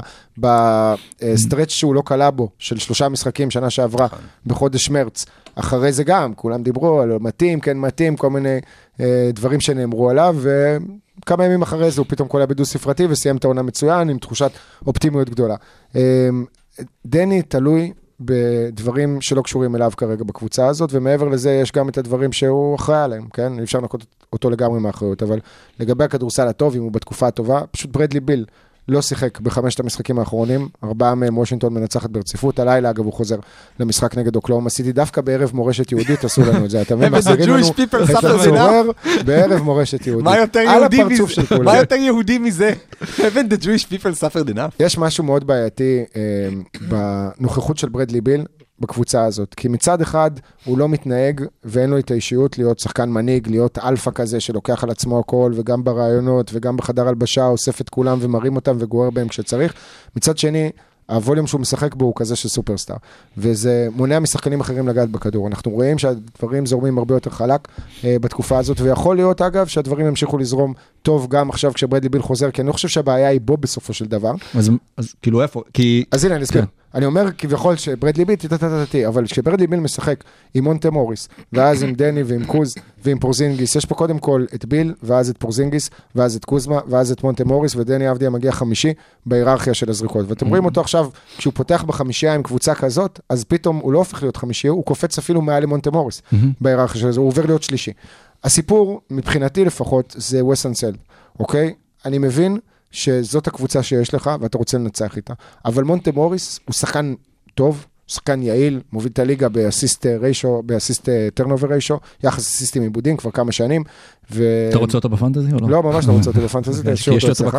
תשאיר, תשאיר אותו אצלך. אני לא אוהב שחקנים שלא קולים, בגלל זה אהבתי את ג'ו שארט, כאילו, הוא בגדול שחקן סבבה, אבל הוא עצבן אותי השבוע, עשה משחק של איזה אפס נקודות עם איזה נקודה שתיים מהקו, לא משנה, אה, אני לא בעניין של שחקנים. אז שלא ווסט שומע. אנסל? אז ווסטנסד צריך לקחת את ברדלי ביל, להפוך אותו לרכז בקבוצה הזאת, ולשחק עם שלושה פורורדים.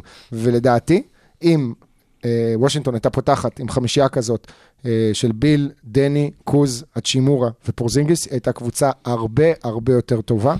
גם הגנתית, גם התקפית, הייתה משיגה הרבה יותר ניצחונות. נכון שרוי אצ'ימורה הוא לא שומר גדול, אבל ה- הסיפור הזה של שלושה פורורדים בחמישייה, תסתכלו רגע כמה ב-NBA לפעמים מיושנים ולא עדכניים, וכמה הם הולכים אחרי טרנדים ומגמות ולא מבינים מה קורה להם מתחת לעיניים. כל ההצלחה של קליבלנד בשנה שעברה, מעבר לזה שיש לה שחקנים צעירים, מוכשרים, ובחירה מצוינת באבן מובלי, וג'ארט אלן שעשה step-up, וכמובן דריוס גרלן, עדיין ההצלחה הזאת מורכבת מסגנון כדורסל אחר, והסגנון הזה הובל על ידי שלושה ביגמנים, שג'ארט אלן, אבן מובלי ולאורי מרקנן מרכיבים את הקו הקדמי שלך, שהשלוש שלך הוא שחקן 2-13, 2-14, וכולם קולעים מבחוץ, ג'ארט אלן פחות, אוקיי? בכלל לא, הוא לא קולע מבחוץ, אבל הם כולם שחקנים מאוד ורסטיליים בכל מה שקשור להגנה שלהם, לקלילות ברגליים שלהם. דיברת על אמביט, אז גם ג'ארט אלן הוא גדול והוא עדיין יודע לקפוץ, לקפוץ, צריך להגיד, ואף אחד לא מנסה ללכת בקו הזה. שוב, אתה צריך את השחקנים המתאימים, שיהיה לך את הפרסונל בשביל לבצע שינוי כזה וללכת על איזושהי גישה אה, שונה בכדורסל, ולוושינגטון לטעמי יש את זה, והיא פשוט לא, לא עושה עם זה כלום, ורק אני אסיים את המונולוג אה, הקטן הזה, שום דבר לא קטן, אה, אצלי, חופר.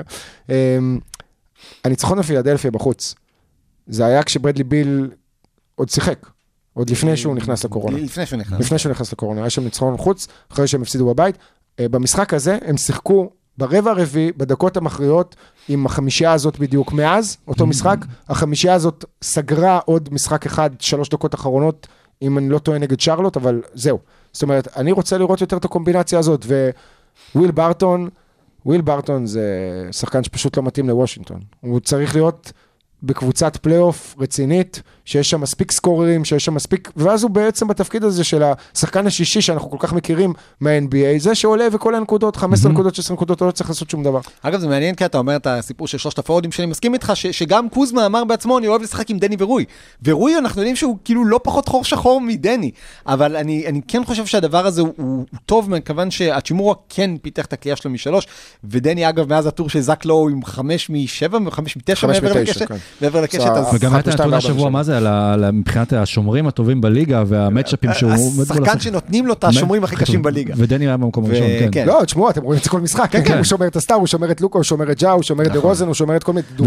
אגב, הוא שומר את ג'ורדן ואגב, פרובינציאליות לא הגיוני וזה, בכלל. פרובינציאליות וזה, אני קורא כאילו מלא תגובות בציוצים ובפייסבוק איפה שיוצא להתקל או באינסטגרם, וכאילו אני רואה גם, אתה יודע, אוהדים, נגיד מקומאים של וושינגטון, שגם לא מבינים למה דני, גם מהצד של דני, למה הוא לא לוקח יותר על עצמו, אבל גם הוא לא, לא מקבל יותר את ההזדמנות, להוביל את הכדור, אה, לזרוק יותר, לשחק עליו יותר, וכאילו, ועכשיו בתקופה שברדלי ביל בחוץ, אז גם כן אומרים, הנה, תראו מה יש לנו בידיים. ההתקפה שלא שלהם פשוט נפספס הרבה יותר אותו." זורמת. הם, הם יש חילופי מקומות, ויש ריצות לפה ולשם, ופורזינגיס, אגב, בעיניי השימוש של אנסלד אולי השימוש הכי טוב שעשו פורזינגיס עד עכשיו בקריירה.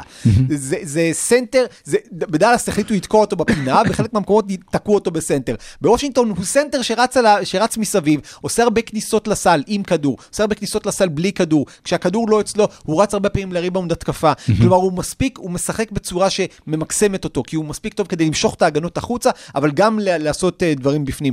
אני חושב שאנסלד הצליח לפצח את פורזינגיס, אני מסכים עם עידו, כדאי לתת צ'אנס לביל. אה, מוריס הוא פשוט לא שחקן שישי בהוויה שלו. וגם אבל- ביל, ראינו אותו בהבלחות שנה שעברה, כן, שכל הגארדים היו. בחוץ, בתור נכון. פליימייקר. הוא עשה משחק עם את זה 17 אסיסטים, הוא טוב מאוד בזה, הוא ממש טוב בזה. ואני חושב שזה יכול להכניס גם, בוא תיקח את הכישורים האלה שלך ותנצל את זה להצלחה של הקבוצה, כי עד עכשיו, זה, זה גם לא רק שאתה יכול לעשות את זה, כאילו אתה חייב למצוא לברדלי ביל את ה-30 דקות למשחק, הבן אדם חתום על חוזה של 250 מיליון דולר עד קץ הדורות. תראו. תן לו, ת, ת, כולנו לא מסכימים על. החוזה הזה, ולא מסכימים על זה שהוא קיבל את הסעיף אה, של וטו הטריידים, אבל עדיין, ברדלי ביל הרוויח את הכסף שלו ביושר, והוא סופרסטאר, ואין הרבה שחקנים בהיסטוריה של הליגה הזאת שעושים ממוצע של 30 נקודות, ועוד שנתיים ברציפות, כמו שברדלי ביל עשה, נכון שאנחנו בקצב אחר, ואי אפשר באמת להשוות למה שקרה לפני 20, 30, 40 שנה, אבל עדיין, הוא גר סופר מוכשר. תן לי אותו בקומבינציה הזאת. אגב, אה, צייצתי אתמול, שלשום, אחרי הניצחון האחרון, שדני זה ההבדל בקבוצה הזאת. אם הוא טוב ממש, אם הוא ממצה את כל הפוטנציאל שלו, זאת באמת קבוצה שיכולה ללכת אה, אולי אפילו עד לפלייאוף. אם לא, זאת קבוצה בינונית שבמקרה הטוב תסיים במקום ה-11 במזרח. עכשיו, כרגיל, זה פשוט מדהים איך אני מצייץ על דני, ויש כל כך הרבה אנשים ש... מנסים להוכיח לנו שהוא לא כזה שחקן טוב. ולהתעלם מהסיטואציה שהוא נמצא בה, אני באמת ובתמים מאמין שדני לא מתקרב בכלל לדגדג את הפוטנציאל שלו. ולמה אני אומר את זה? המשחק האחרון שראינו אה, עם ה-21 נקודות, עם החמישה אסיסטים, זה משחק שאמור להיות פחות או יותר באזור הממוצעים העונתיים שלו, בשלב יותר מתקדם בקריירה, אם הוא היה מגיע לקבוצה אחרת. דני אבדיה זה שחקן שצריך ביטחון יותר מכל דבר אחר. עכשיו, בשלב מסוים אתה אומר, אוקיי, אתה לא מקבל את הביטחון, עדיין, בוא, תראה מה אתה עושה, תראה מה אתה יודע, כי המאמן לא נותן לך את זה, ושאר השחקנים בקבוצה לא נותנים לך את זה.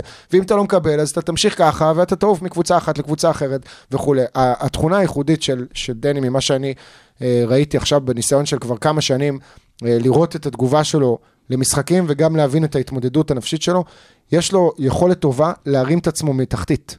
זאת אומרת, יש לו לימיט מסוים לתחתית.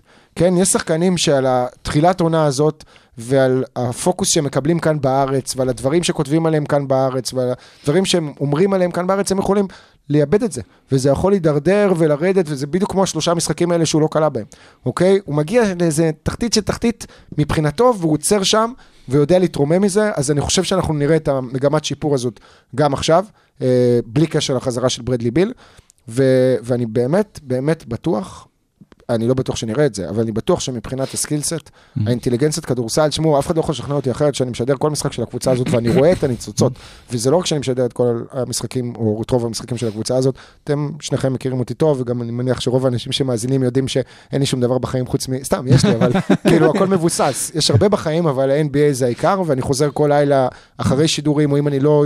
משדר באותו לילה, אני רואה משחקים כל הזמן, אני רואה הרבה קבוצות, אני רואה הרבה שחקנים, ואני לא רואה הרבה מאוד שחקנים, כאילו, מעבר לסטארים כמובן של הליגה הזאת, שיש להם יכולות כל כך ורסטיליות כמו דני, תסתכלו על המסירות שלו. תסתכלו, לפעמים יש תוך כדי משחק איזה מסירה קטנה של איזה pick and roll. skip pass כזה, בדיוק, לצד השני, בדיוק, איזה כן. skip pass כזה, או, או אתה יודע, מעל איזה שני דיפנדרים באיזה, כאילו בתנועה כזאת, ש, שאתה אומר לעצמך, מה, איך הוא עושה את זה בכזה ביטחון, ווושינגטון חייבת לנצל את זה יותר, דני חייב להבין עד כמה הוא טוב. אני חושב שגם זה חלק מהסיפור שלו, הוא עדיין צעיר, הוא עדיין עונה שלישית בליגה, אם אתם מסתכלים על זה, בצורה מסוימת הוא עדיין השחקן הכי צעיר ברוטציה, כי ג'וני דייוויס אה, כבר בג'י ליג ולא ממש משחק גם כשהוא אה, נמצא עם הקבוצה, ו- ויש עדיין את הסיפור הזה, כן, של הילד בחבורה, ואני חושב שזה גם גורם לו בצורה מסוימת להרגיש אולי פחות בנוח לבוא ולדרוש את המקום שלו. אבל אם תסתכלו על זה, שוב, מדובר בשחקן בן 21 שיהיה בן 22 עוד חודשיים, ואין הרבה להסתמך עליו בקריירה, אבל יש מספיק בעיניי, ב- בכל מה שקשור ל-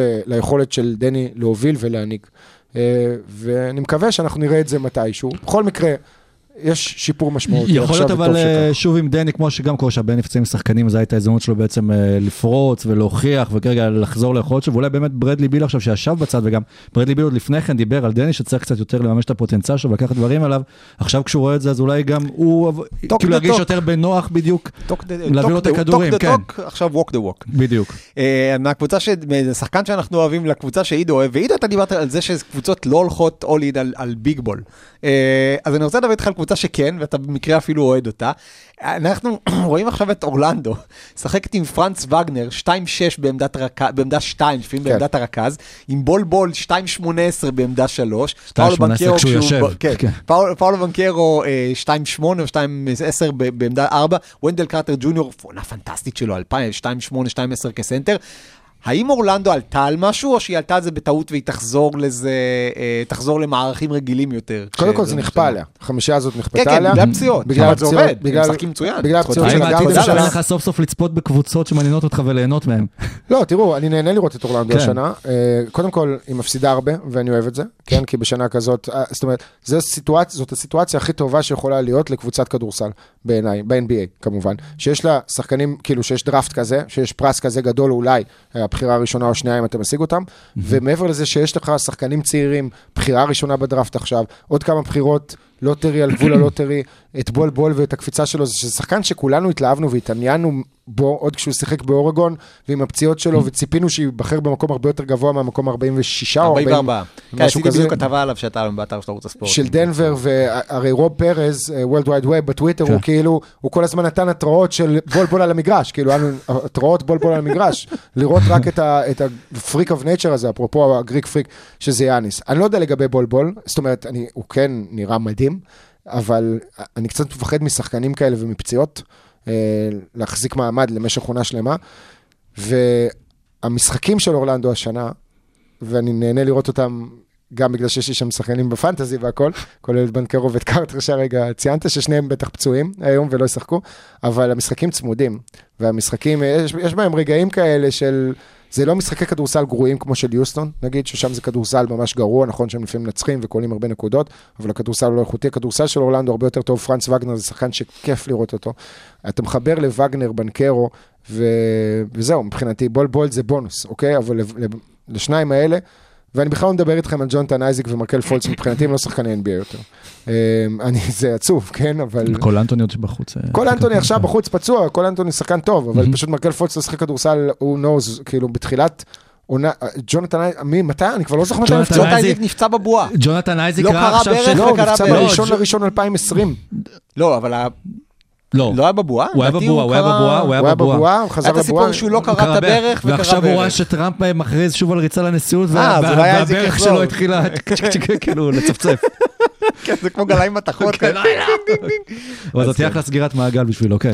רוזי גם- מאמן טוב, אני וג'לן ממנו. סאגס אני מאוד אוהב אותו. אני חייב להגיד לך. ג'לן סאגס, אה, עד עכשיו הוא היה מאכזב. אה, היה לו איזה משחק שניים טובים השנה, אבל הוא בינתיים מאכזב. מהמם. זאת אומרת, הוא אוהב את ה... כשהוא מתחיל- הגיע... מתחיל- להרגיש. כשהוא הגיע לאורלנדו, וזה משהו שאני מדבר עליו הרבה, ואלה דברים שאנחנו לא באמת יכולים לדעת. היכולות, האתלטיות, המספרים, הכל טוב ויפה, אבל המנטליות זה מה שמשנה, והסוג בן אדם שאתה. ובשביל להיות כוכב אתה צריך גם אה, להיות עם אישיות מסוימת. וכשג'לן אה, סאגס הגיע לאורלנדו, אז זה היה הדיבור מסביבו, אוקיי? וזה מה שחשבנו, גם אחרי התקופה שלו בגונזאגה.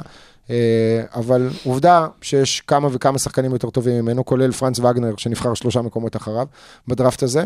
אה, מבחינתי, שוב, זה בונוס, כי אם יש לי עכשיו שלישייה שמורכבת מבנקרו, וגנר, ובחירה ראשונה או שנייה, ומבניאמו אסקוט, זאת קבוצה שתחזור לגמר מתישהו. היא הייתה בגמר ב-95 אחרי שהייתה לה את הבחירה הראשונה עם שקיל. היא הייתה בגמר ב-2009 אחרי שהייתה לה את הבחירה הראשונה עם דווייט האווארד. בנקרו זה הבחירה הראשונה השלישית של אורלנדו. אני מאמין שהסדר יישמר, אני מקווה גם שזה יביא אליפות. לא שאתם יודעים, אני מקווה, כאילו. האמת שהטיולי NBA עכשיו, אה, בפעם הראשונה בחיי, אני הולך להיות במשחק של אורלנדו. אה, יפה. כן, לא יצא לי, הייתי אתה במשחקי תקנה NBA, גופייה וזה? למרות שאני פתאום לא זוכר, היה איזה משחק שהייתי בו של הניקס בסוף עונת 15-16, שלא עניין אף אחד כזה באפריל טיפ, אתם יודעים, מחוץ לפלייאוף, פורזינגיס הזה היה פצוע. לא זוכר אם אורלנדו שיחקה נגדה שרלוט, לא קופץ לי, אבל טוב, יש, העונה מצב. גם אורלנדו לא זוכר. כמצופה מאורלנדו, העונה שלהם היא רכבת הרים, אה, מה שקורה שם. רוצה להגיד עוד משהו? אה, אוקיי.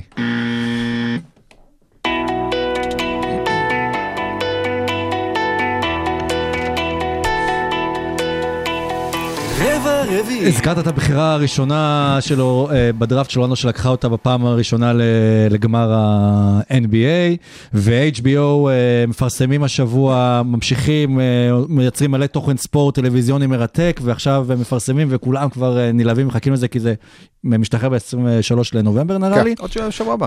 על המונדיאל. אה, כן, ארבעה פרקים, סדרת דוקו על שקיל אוניל, האיש, החיוך, אה, המוצר, הדבר אולי הכי כיפי שקרה אי פעם אה, ל-NBA.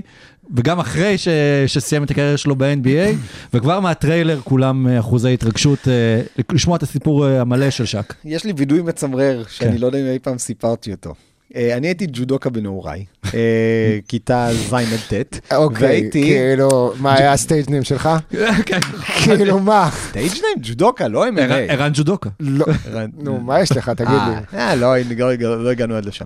ג'ודוקה סורוקה. ג'ודאי, או לדעתי עוד קראו לזה ג'ודאי אפילו. לא, ג'ודוקה סורוקה. עכשיו זה זה, אבל לדעתי קראו לזה ג'ודאי.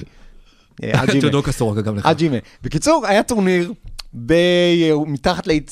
ליציב של איצטדי הנבנה, הוא עוד לא נפתח אפילו. Mm. ואנחנו היינו שם, שוקי קואז, מאמן הנבחרת אה, לעתיד, היה מאמן שלנו, והיה קרב קבוצתי.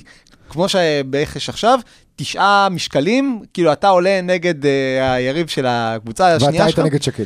ואני הייתי במשקל הכי גבוה, מה לעשות? אה, ככה הייתי אז, ופעם באמת הייתי במשקל יותר גבוה, והייתי, מכיוון שהייתי גם אה, אה, עודף משקל, אבל גם נמוך, אז הייתי פוגש כל מיני אנשים שגם גבוהים ממני ב-20 סנטימטר וגם עבים ממני בעוד איזה עשרה קילו, והיה לנו משחק, היה לנו כאילו, חצי גמר, לדעתי זה היה נגד אשדוד, וקרב מכריע, אתה הולך לפי המשקלים, אני במשקל הכי גבוה, 4-4, ואני מקבל איזה בחור גבוה ממני ב-20 סנטימטר בכל כיוון, עומק, גובה, רוחב ו...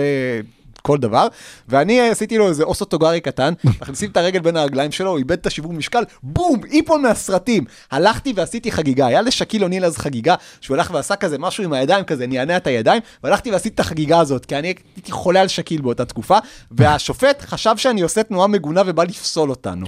עכשיו, אני באמת, לקח לי חמש דקות להתנצל בפני השופט, הייתי צריך להסביר לו, זה שקיל אוניל עכשיו, והשופט לא יודע מי זה שקיל אוניל, הוא שופט ג'ודו.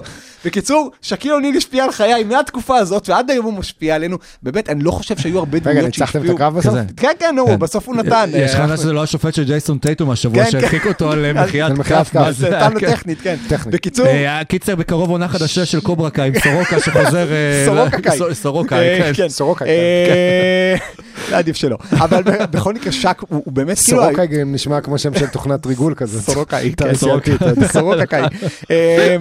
שק היה כל כך הרבה יותר מכדורסלן, הוא, הוא באמת היה מין טיפוס כזה שהוא השראה גם כשהוא עושה דברים ש, שאתה רוצה, ל, ל, שאתה אומר, אסור להתנהג ככה. כשהוא שובר לך את הסל על הראש, כשהוא מביא לך מכות וזה, אתה לא יכול להפסיק לצפות. הבן אדם היה הבדרן מספר אחת. הרבה אנשים אומרים לי כל, כל הזמן, מי החמישיית כל הזמנים שלך? יכול להיות שהקים אולג'ון היה שחקן משוכלל יותר, יכול להיות שוויל צ'מברלין היה סנטר גדול יותר. בעיניי שק זה הגולד סטנדרט של הסנטרים, בגלל שכשהוא היה בשיא שלו, לא היית יכול לדגדג אותו בכלל. הוא, הוא היה סנטר שמעבר לכוח היה כל כך ורסטילי, היה לו את ה-drop step הזה, היה לו את ה-hook shot הקטנים האלה, הוא פשוט היה דורס אותך ומאמלל אותך בכל דרך אפשרית, ולא היה לך שום דבר לעשות בנושא, ו- וזה לא כמו דווייט האווארד, כמה שנים אחר כך, שעשה את זה מול תקופה של סנטרים חלשים. שק עשה את זה על, על הקים ועל רובינסון, על ועל. מוטומבו ועל יואינג, בתקופה שהסנטרים הכי גדולים בתולדות ה-NBA, שק עדיין היה, אה, לקח לו קצת זמן להגיע לזה. כן, לא אבל בסדר. אגב, זה. ה-purple and gold standard. ו- כן. והוא פגש אותם בתחילת הדרך שלו, כשהם היו כבר שחקנים כן. 8-9 עונות בליגה, כן?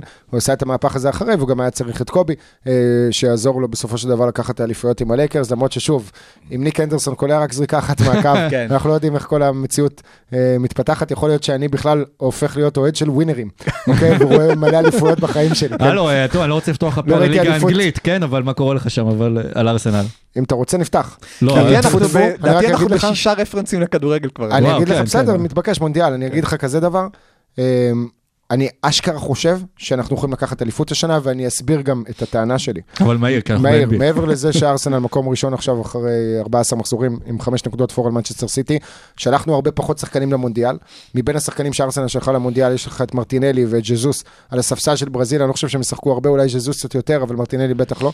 אני מסתכל על הסגל של סיטי, הוא מפוזר בהרבה מאוד קבוצות, עם הרבה מאוד דקות, בלגיה תלך רחוק עם קווין דה ברנה, המזל היחיד שלהם זה שאיך קוראים לו לא במונדיאל. אה, לא, סליחה, הוא כן במונדיאל. נורבגי במונדיאל. כן. לא. לא, לא, הוא לא לא במונדיאל. כן, הוא לא במונדיאל. אה, למי שלא הבין, עידו דיבר על כדורגל. כן, בקיצור, כל השחקנים של סיטי היו שפוכים, יהיה- גמורים, ארסנל צריכה להשתמש בזה, זה כאילו חודש פגרה היא קיבלה פחות או יותר, בתקווה שהשחקנים שלה לא יקבלו יותר מדי דקות במונדיאל, ואנחנו לוקחים אליפות השנה, אני מאמין בזה, וזו תהיה האליפות הראשונה שאני רואה בתור אוהד של איזושהי קבוצה, מאז פעם אחרונה שארסנל עשתה את זה, שזה היה לפני 19 שנים בעונת 2003-2004.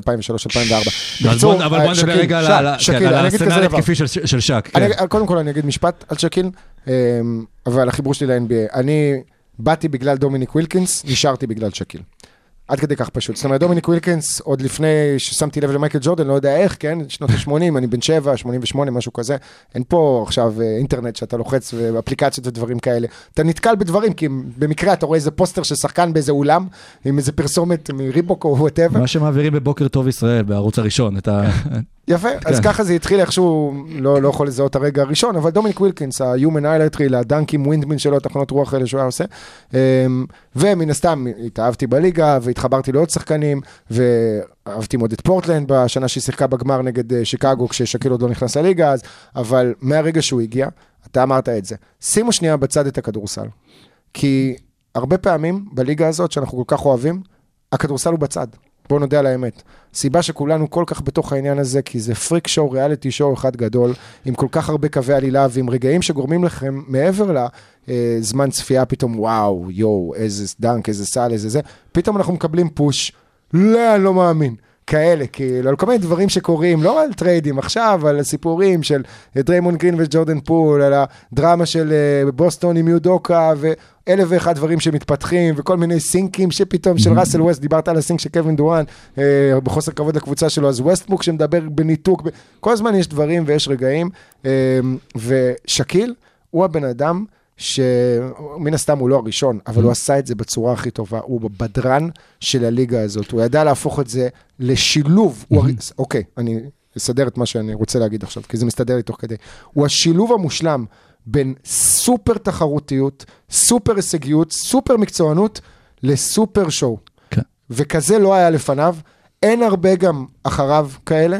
אה, אתם יודעים, אנחנו מסתכלים על השנים האחרונות, אז בוא נגיד שאנטוני אדוארדס, כאילו עכשיו קצת אה, שקע, הוא גם במיניאפוליס, זה לא אותו דבר, אה, עם כל היומרות של אה, מינסוטה, אבל הוא נכנס לליגה והוא בא לתקן של השטותניק הזה, שגם מריץ בדיחות, שמצלם סרטים, זה, זה עדיין לא מתקרב כן. לרמות של שק. אה, אם רק היה לנו את שקיל עכשיו בתקופה של הסטוריז והטיק טוק, אני חושב שזו הייתה הצגה. אבל מה שחשוב באמת על שקיל, לראות שהוא היה בכל כך הרבה רגעים משמעותיים ב-NBA, גם השפיע, אה, או גם היה לפחות חלק מהם. נבחר הראשון בדראפט על ידי franchise חדש, אה, אורלנדו מג'יק, והפך לסנסציה.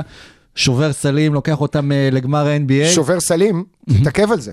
אוקיי. כי הסל ששקיל שבר ב-92, אם אני זוכר לא? נכון, בעונה הראשונה שלו, בניו ג'רזי. בניו ג'רזי, במשחק של אורלנדו נגד ניו ג'רזי, אולי זה היה בעונה השנייה שלו, הסל שהוא שבר שם גרם לשינוי של התקנים ב-NBA, של הסלים ושל הסלים הרזרביים. נכון. ומאז זה לא קרה. נכון. הוא לא, שוב, הוא לא הפורסט גם, בוא נגיד, של הזה, הוא יכול למצוא דוגמאות אחרות, אבל אחר כך, אחרי אורלנדו, אה, עובר ללייקרס, והתקופה של השושלת, ועם קובי שם, והחברות עם קובי, ומה כל מה ש... קובי, וכל מה שקרוב אחר כך, והראפ, והשיר הזה ש, שזכור לכולם. ואז העזיבה של הלייקרס, ואז הוא לוקח אליפות ראשונה של דוויין וייד אה, עם מיאמי, אה, אז, אז, אז הוא גם אה, מעורב שם, ופורש... וה nicknameים, וה nicknames, ו... וביג קקטוס, כן.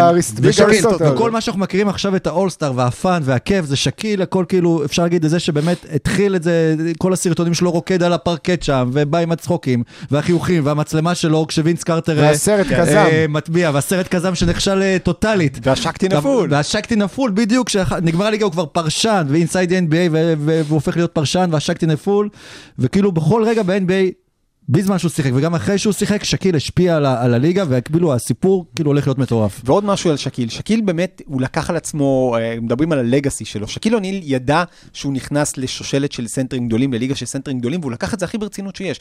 גם, נכון, היו פציעות, היו מוסר עבודה שלפעמים הבן אדם מגיע לא בכושר לעונה, והיו על זה הרבה בעיות, הוא לא היה מושלם. אבל שקיל גם היה, קודם כל, גם קרים, וכמובן, והוא נכנס לנעליים של קרים ונתן המון המון כבוד לקרים, עוד אחד מהסנטרים הגדולים של כל הזמנים. בעיניי עוד שני דברים מקסימים ששק עשה עם סנטרים אחרים. אחד, אה, דווייט האווארד, ה dance off שלהם באולסטאר זה 2008 לדעתי, שהיה להם את התחרות ריקודים שם, כן, כן. אחד הרגעים כאילו, לא זוכר המקסימים. ב-2008, אבל. כן, באופן כללי באולסטאר, ב- דיברת על בידור, אז היה שם את ה dance off שהוא לקח את דווייט האווארד שהיה קצת צנוע כזה, אז באישיות שלו, פשוט עשה איתו שם את אתה ה- את רואה- התחרות את דווייט ריקודים הזאת. מסתכל עליו כאילו ב- בהערצה, כי זה? בדיוק, אני באתי על המשבצת שלו, וכאילו, אתה יודע, בתור כן. מנטור, ואני רוצה ללמוד ממך, וכאילו הרבה דברים דווייט לא הצליח לקחת כל כך בצורה מושלמת, אבל... וגם בטח לא, אה, עם אולי את החוסר חברות עם נכון. כן. קובי באיזשהו שלב וזה, אבל אה, לגמרי. והשני? ובאולסטאר השני שהוא עשה, אה, זה היה האולסטאר הפרישה שלו, אם אני זוכר נכון, והוא עשה את הריקוד עם הג'אבה ווקיז. כן. ש... וואו, כאילו הצגת השחקנים הטובה בהיסטוריה נכון, של עם ה-NBA. המסכה. עם כן, המסכה, כן, כן. מדהים. ולהבדיל. אלפי הבדלות, כשג'ורג' מיקן הלך לעולמו, שקיל אוניל שילם על ההלוויה שלו. וזה בעיניי מראה יותר מכל איזה בן אדם זה, שעם כל התהילה שהייתה לו, ועם כל המורשת שהייתה לו, וכל זה, הוא ידע שהוא חלק ממורשת, הוא ידע שהוא חלק משושלת, והוא נתן כבוד כל כך גדול לאנשים אחרים, עם כל זה שהוא צחק עליהם, עם כל זה שהוא היום סימן ללעג, עם כל זה שהוא לא תמיד יודע על מה הוא מדבר, הבן אדם ידע את מקומו וידע שהוא, ונשאר איכשהו צנוע עם כל הדברים האלה, ובאמת היה שם חלק משושלת אדירה. עכשיו, באמת, כמו שאמרת, אם היה את שק היום בעידן של הסטוריז, ושזה, שק היה המילניאל הראשון ב-NBA, עוד לפני שידעו מה זה מילניאל. בשביל לא להמשיך אה, להישמע זקנים, אנחנו צריכים לעבור מהסטוריז לטיקטוק. לטיקטוקים. כן, לטיקטוק, להגיד כן. הטיקטוק, זה לא שקטוק, הסטוריז, זה. סטוריז זה כבר, כולו- מי שמשתמש אנחנו גם נגד סטוריז, ופרצו כזה. לנו לאינסטגרם, כן. ו- והם לא פותרים לנו את זה. בדיוק, אה, אז אני אקום לו שקטוק. כן. השיקטוק. שיקטוק. כן. שקטוק זה מתבקש. אה, ו- יש דבר אחד לגבי שנייה, שקיל, שנייה, רגע, אני, אני רק אסיים את. זה. אז שק באמת היה הראשון, אתה זוכר שהייתה דילמה, אמרו לו, תפסיק להתעסק בראפ כדי תתחיל להתעסק בכדורסל. והוא היה הראשון, ש... הוא לא היה הראשון, אבל הוא היה הראשון בעידן המודרני שעזב את אורלנדו בשביל ה showtime של לוס אנג'לס, לא בשביל הכדורסל רק של לוס אנג'לס, בשביל ה showtime, וגם על הוא זה הייתה עזב את ביקורת. אורלנדו בגלל אה, הרבה דברים, אבל הייתה דברים ביקורת על שלא זה. קשורים אליו. כן, כן. זאת אומרת, הוא לא בגלל הלייקרס, בגלל... אה, גם חוזה שלו הציל לו את החוזה נכון. שהוא רצה. כן, כן, אבל בסוף הוא גם הלך ללוס אנג'לס. לא, רגע, שנייה, עכשיו ברח לי, מי היה המאמן שם? דל לא- האריס, לא? דל האריס, דל האריס, כן. דל האריס. ו... ואז הוא רצה להעיף את דל האריס. לא, גם זה היה היה עם דל האריס, זה לא- זה היה מאמן אחרי כשהוא דל הגיע האריס. לשם? לא, לא, לא, דל האריס היה עם אה, אורלנדו בגמר של 95. אה, שזה- אחרי דל זה, האריס היה גם בלייקרס. אחרי זה לא, היה שק משהו. הגיע לדל האריס מג'יק בלייקרס. היה ב-96, מג'יק אימן את הלייקרס בסוף 96 לא, לדעתי. היה, מ- נו, עכשיו, איך זה ברח? כולנו, רמביס? ראי- כולנו ראינו את שנות הקסם, וזה חלק מאוד מרכזי מהסרט, וזה פדיחה של שלושתנו עכשיו. ש- מאמן של מי? של הלייקרס? לא, ב- מה הסיבה? מתי? שקיל אומר שם בסרט שהסיבה שהוא עזב את אורלנדו היא לא בגלל שהוא לא רצה להישאר באורלנדו וללכת ללייקרס. אוקיי. עשו לו קטע מסריח באורלנדו. עם החוזה של לא אלונזו מי מורנינג זה היה היה. שהוא לא הבין איך אה, מורנינג... אה, או מי זה היה GM, אבל ש- אבל יש שם איזושהי דמות שלמה הוא לא מקבל. כסף כמו אלונזו מורנינג, וכאילו, והם לא הסכימו לתת לו את אותו סכום, כן, והוא חשב היה שיותר זה- היה מתאים, ואז משהו זה כן. כן. נכון. אמ, ועדיין, עם כל זה, הוא הלך ספציפית גם ללייקרס, הוא הוא זיהה את ההזדמנות שם, גם בשביל הקריירה שלו, גם בשביל ה showtime והאפקט שלו, ש- שזה משהו שגם היה מאוד מתאים לשחקנים לעשות היום. אמ, אנחנו מדברים על סדרה של כמה פרקים, אתה יודע? ארבעה פרקים. ארבעה פרקים. תראה, הדבר היחיד המוזר לי, זה ששקיל, ביחס לשאר השחקנים ב-NBA, לכולם, אני חושב שקשה לי מאוד לראות איזשהו משהו שיחדש לי עליו, בגלל שכבר ראיתי כל כך הרבה. יש את הסרט על המאמן שלו אה, מהתקופה בלואיזיאנה, או אה, כן, מהתקופה בלואיזיאנה. יש את הסרט שנות הקסם של אורלנדו, אתה רואה אותו ושומע אותו כל כך הרבה, אתה, אני עוקב אחריו ויש לי, אתה יודע, נוטיפיקציות לכל... בטוויטר יש לי הרבה נוטיפיקציות להרבה אנשים, באינסטגרם אין לי הרבה לא, הוא נוטיפיקציות. מדבר שם, אני ראיתי הרבה, באינסטגרם יש לי איזה לפחות לפי ארבע- הטריילר, הוא מדבר שם הרבה על, אה, אבא שלו, אה, ועל אימא שלו, ועל החינוך שקיבל ואיך זה הוביל אותו, אני מניח שגם כן, היה זה איזה משהו דברים שקשור שגם אנחנו לקובי יודעים בתוך וגם הזה, ראינו ש- בסרטים כאלה. ואחרים, כאילו, כן. את כל התקופה שלו בפנים. ועדיין, תמיד לא משנה כששקיע על המסך, זה כיף לראות. אותו, וזה גם אה, כאילו... זה לא נראה שיכול להיות עוד מישהו שדומה לשקיל, אתה יודע, אפילו לג'ורדן, אה, אמרו שקובי. כאילו החיקוי הכי טוב, אמביד. לגמרי, בברלי. אמר היום, אני חושב, שמה ששאלתי לפני התוכנית, שאמביד זה הביגמן הכי מוכשר מאז שק. כן. עכשיו הוא רק שככה, רק שבוע הוא ללייקרס יותר ויקח מוכשר, איפה אליפות. שקיל? כן. שים את שקיל על הקו כמו ג'ואל אמביד, ובואו נראה מי יותר מוכשר באמת, נו. אה, בקיצור, שק שבוע הבא, נקווה שמישהו יביא את זה לארץ, ואנחנו יודעים כבר מי ישדר את זה בארץ? זה ב-HBO, לא, זה אה, אה, HBO. אז זה בטח יהיה בכל אה, הרשתות. אה, לא, מה, זה לא, סטרימינג. בקיצור, אתה יכול לעשות בכלל HBO בארץ? לא נראה לי. לא. למה, יש לך HBO בארץ? קיצור, לא, יש לך בכל מיני שרתים שאולי יש... לא, כמו אני- שהיה אני פילוס, אני פונה ללב שלך. אה, כל הרשתות הסטרימינג שנמצאות בישראל, אני פונה ללב שלכם, הבו לנו את שק, קצת אסקפיזם ממונדיאל, קצת אסקפיזם מהרכבת הממשלה, העם דורש... די, סורוקה, אתה צריך כאילו באמת עוד, אה, אנחנו ב-2023 עוד רגע, ואתה צריך שישדרו את זה בכל מיני מקורות? לא, אני בטוח שכולנו נצפה בזה. כן. כן, גם את הפרק הזה אפשר לחלק לארבעה פרקים, ואנחנו אה, למה, מסיימים- כמה זמן? כמעט שעה וחצי, לא? תשמע. זה בקטנה יחסית למה שעשיתי בשבועות האחרונים, מצא את עצמי בפודקאסטים של שלוש שעות וחצי. אצל זה כאילו אצל הרבע פיני הראשון ננסה שוטי למצוא מעקב דיה. משותף לכל זה, כן. טוב. סתם צוחק. אה, אז כן, עד כאן אה, פרק 117 של אה, עושים NBA. באמת, יש לכם עכשיו חודש שתנסו לשלב את זה, בטח עם עוד הדברים שאולי תרצו לצפות בהם במשחקים. הליגה מרתקת ומעניינת. ותודה רבה סורוקה. תודה רבה לוצקי. תודה רבה עידו, ושיהיה לך טיול מהנה גם כן. תודה, תודה רבה שהזמנתם. תחזור אלינו בשלום. אמבידו. ובואו נסגור את ה... או, אמבידו זה יותר מתאים. ג'ואל אמבידו. אמביד גור. לא, זה לא מה שאמרת? זה אמרנו אמבידו, לא?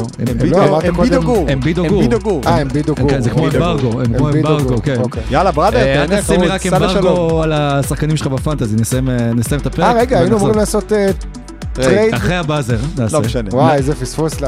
נעדכן את כולם. נעשה, נעשה לפרק. באקסטרה. וסורוקה ישפוט אם הוא גם. פייר או לא, בניגוד... ל- אני גרוע ב fantasy. יאללה, צ'או. צ'או חבר'ה, להתראות, נתראה שבוע הבא.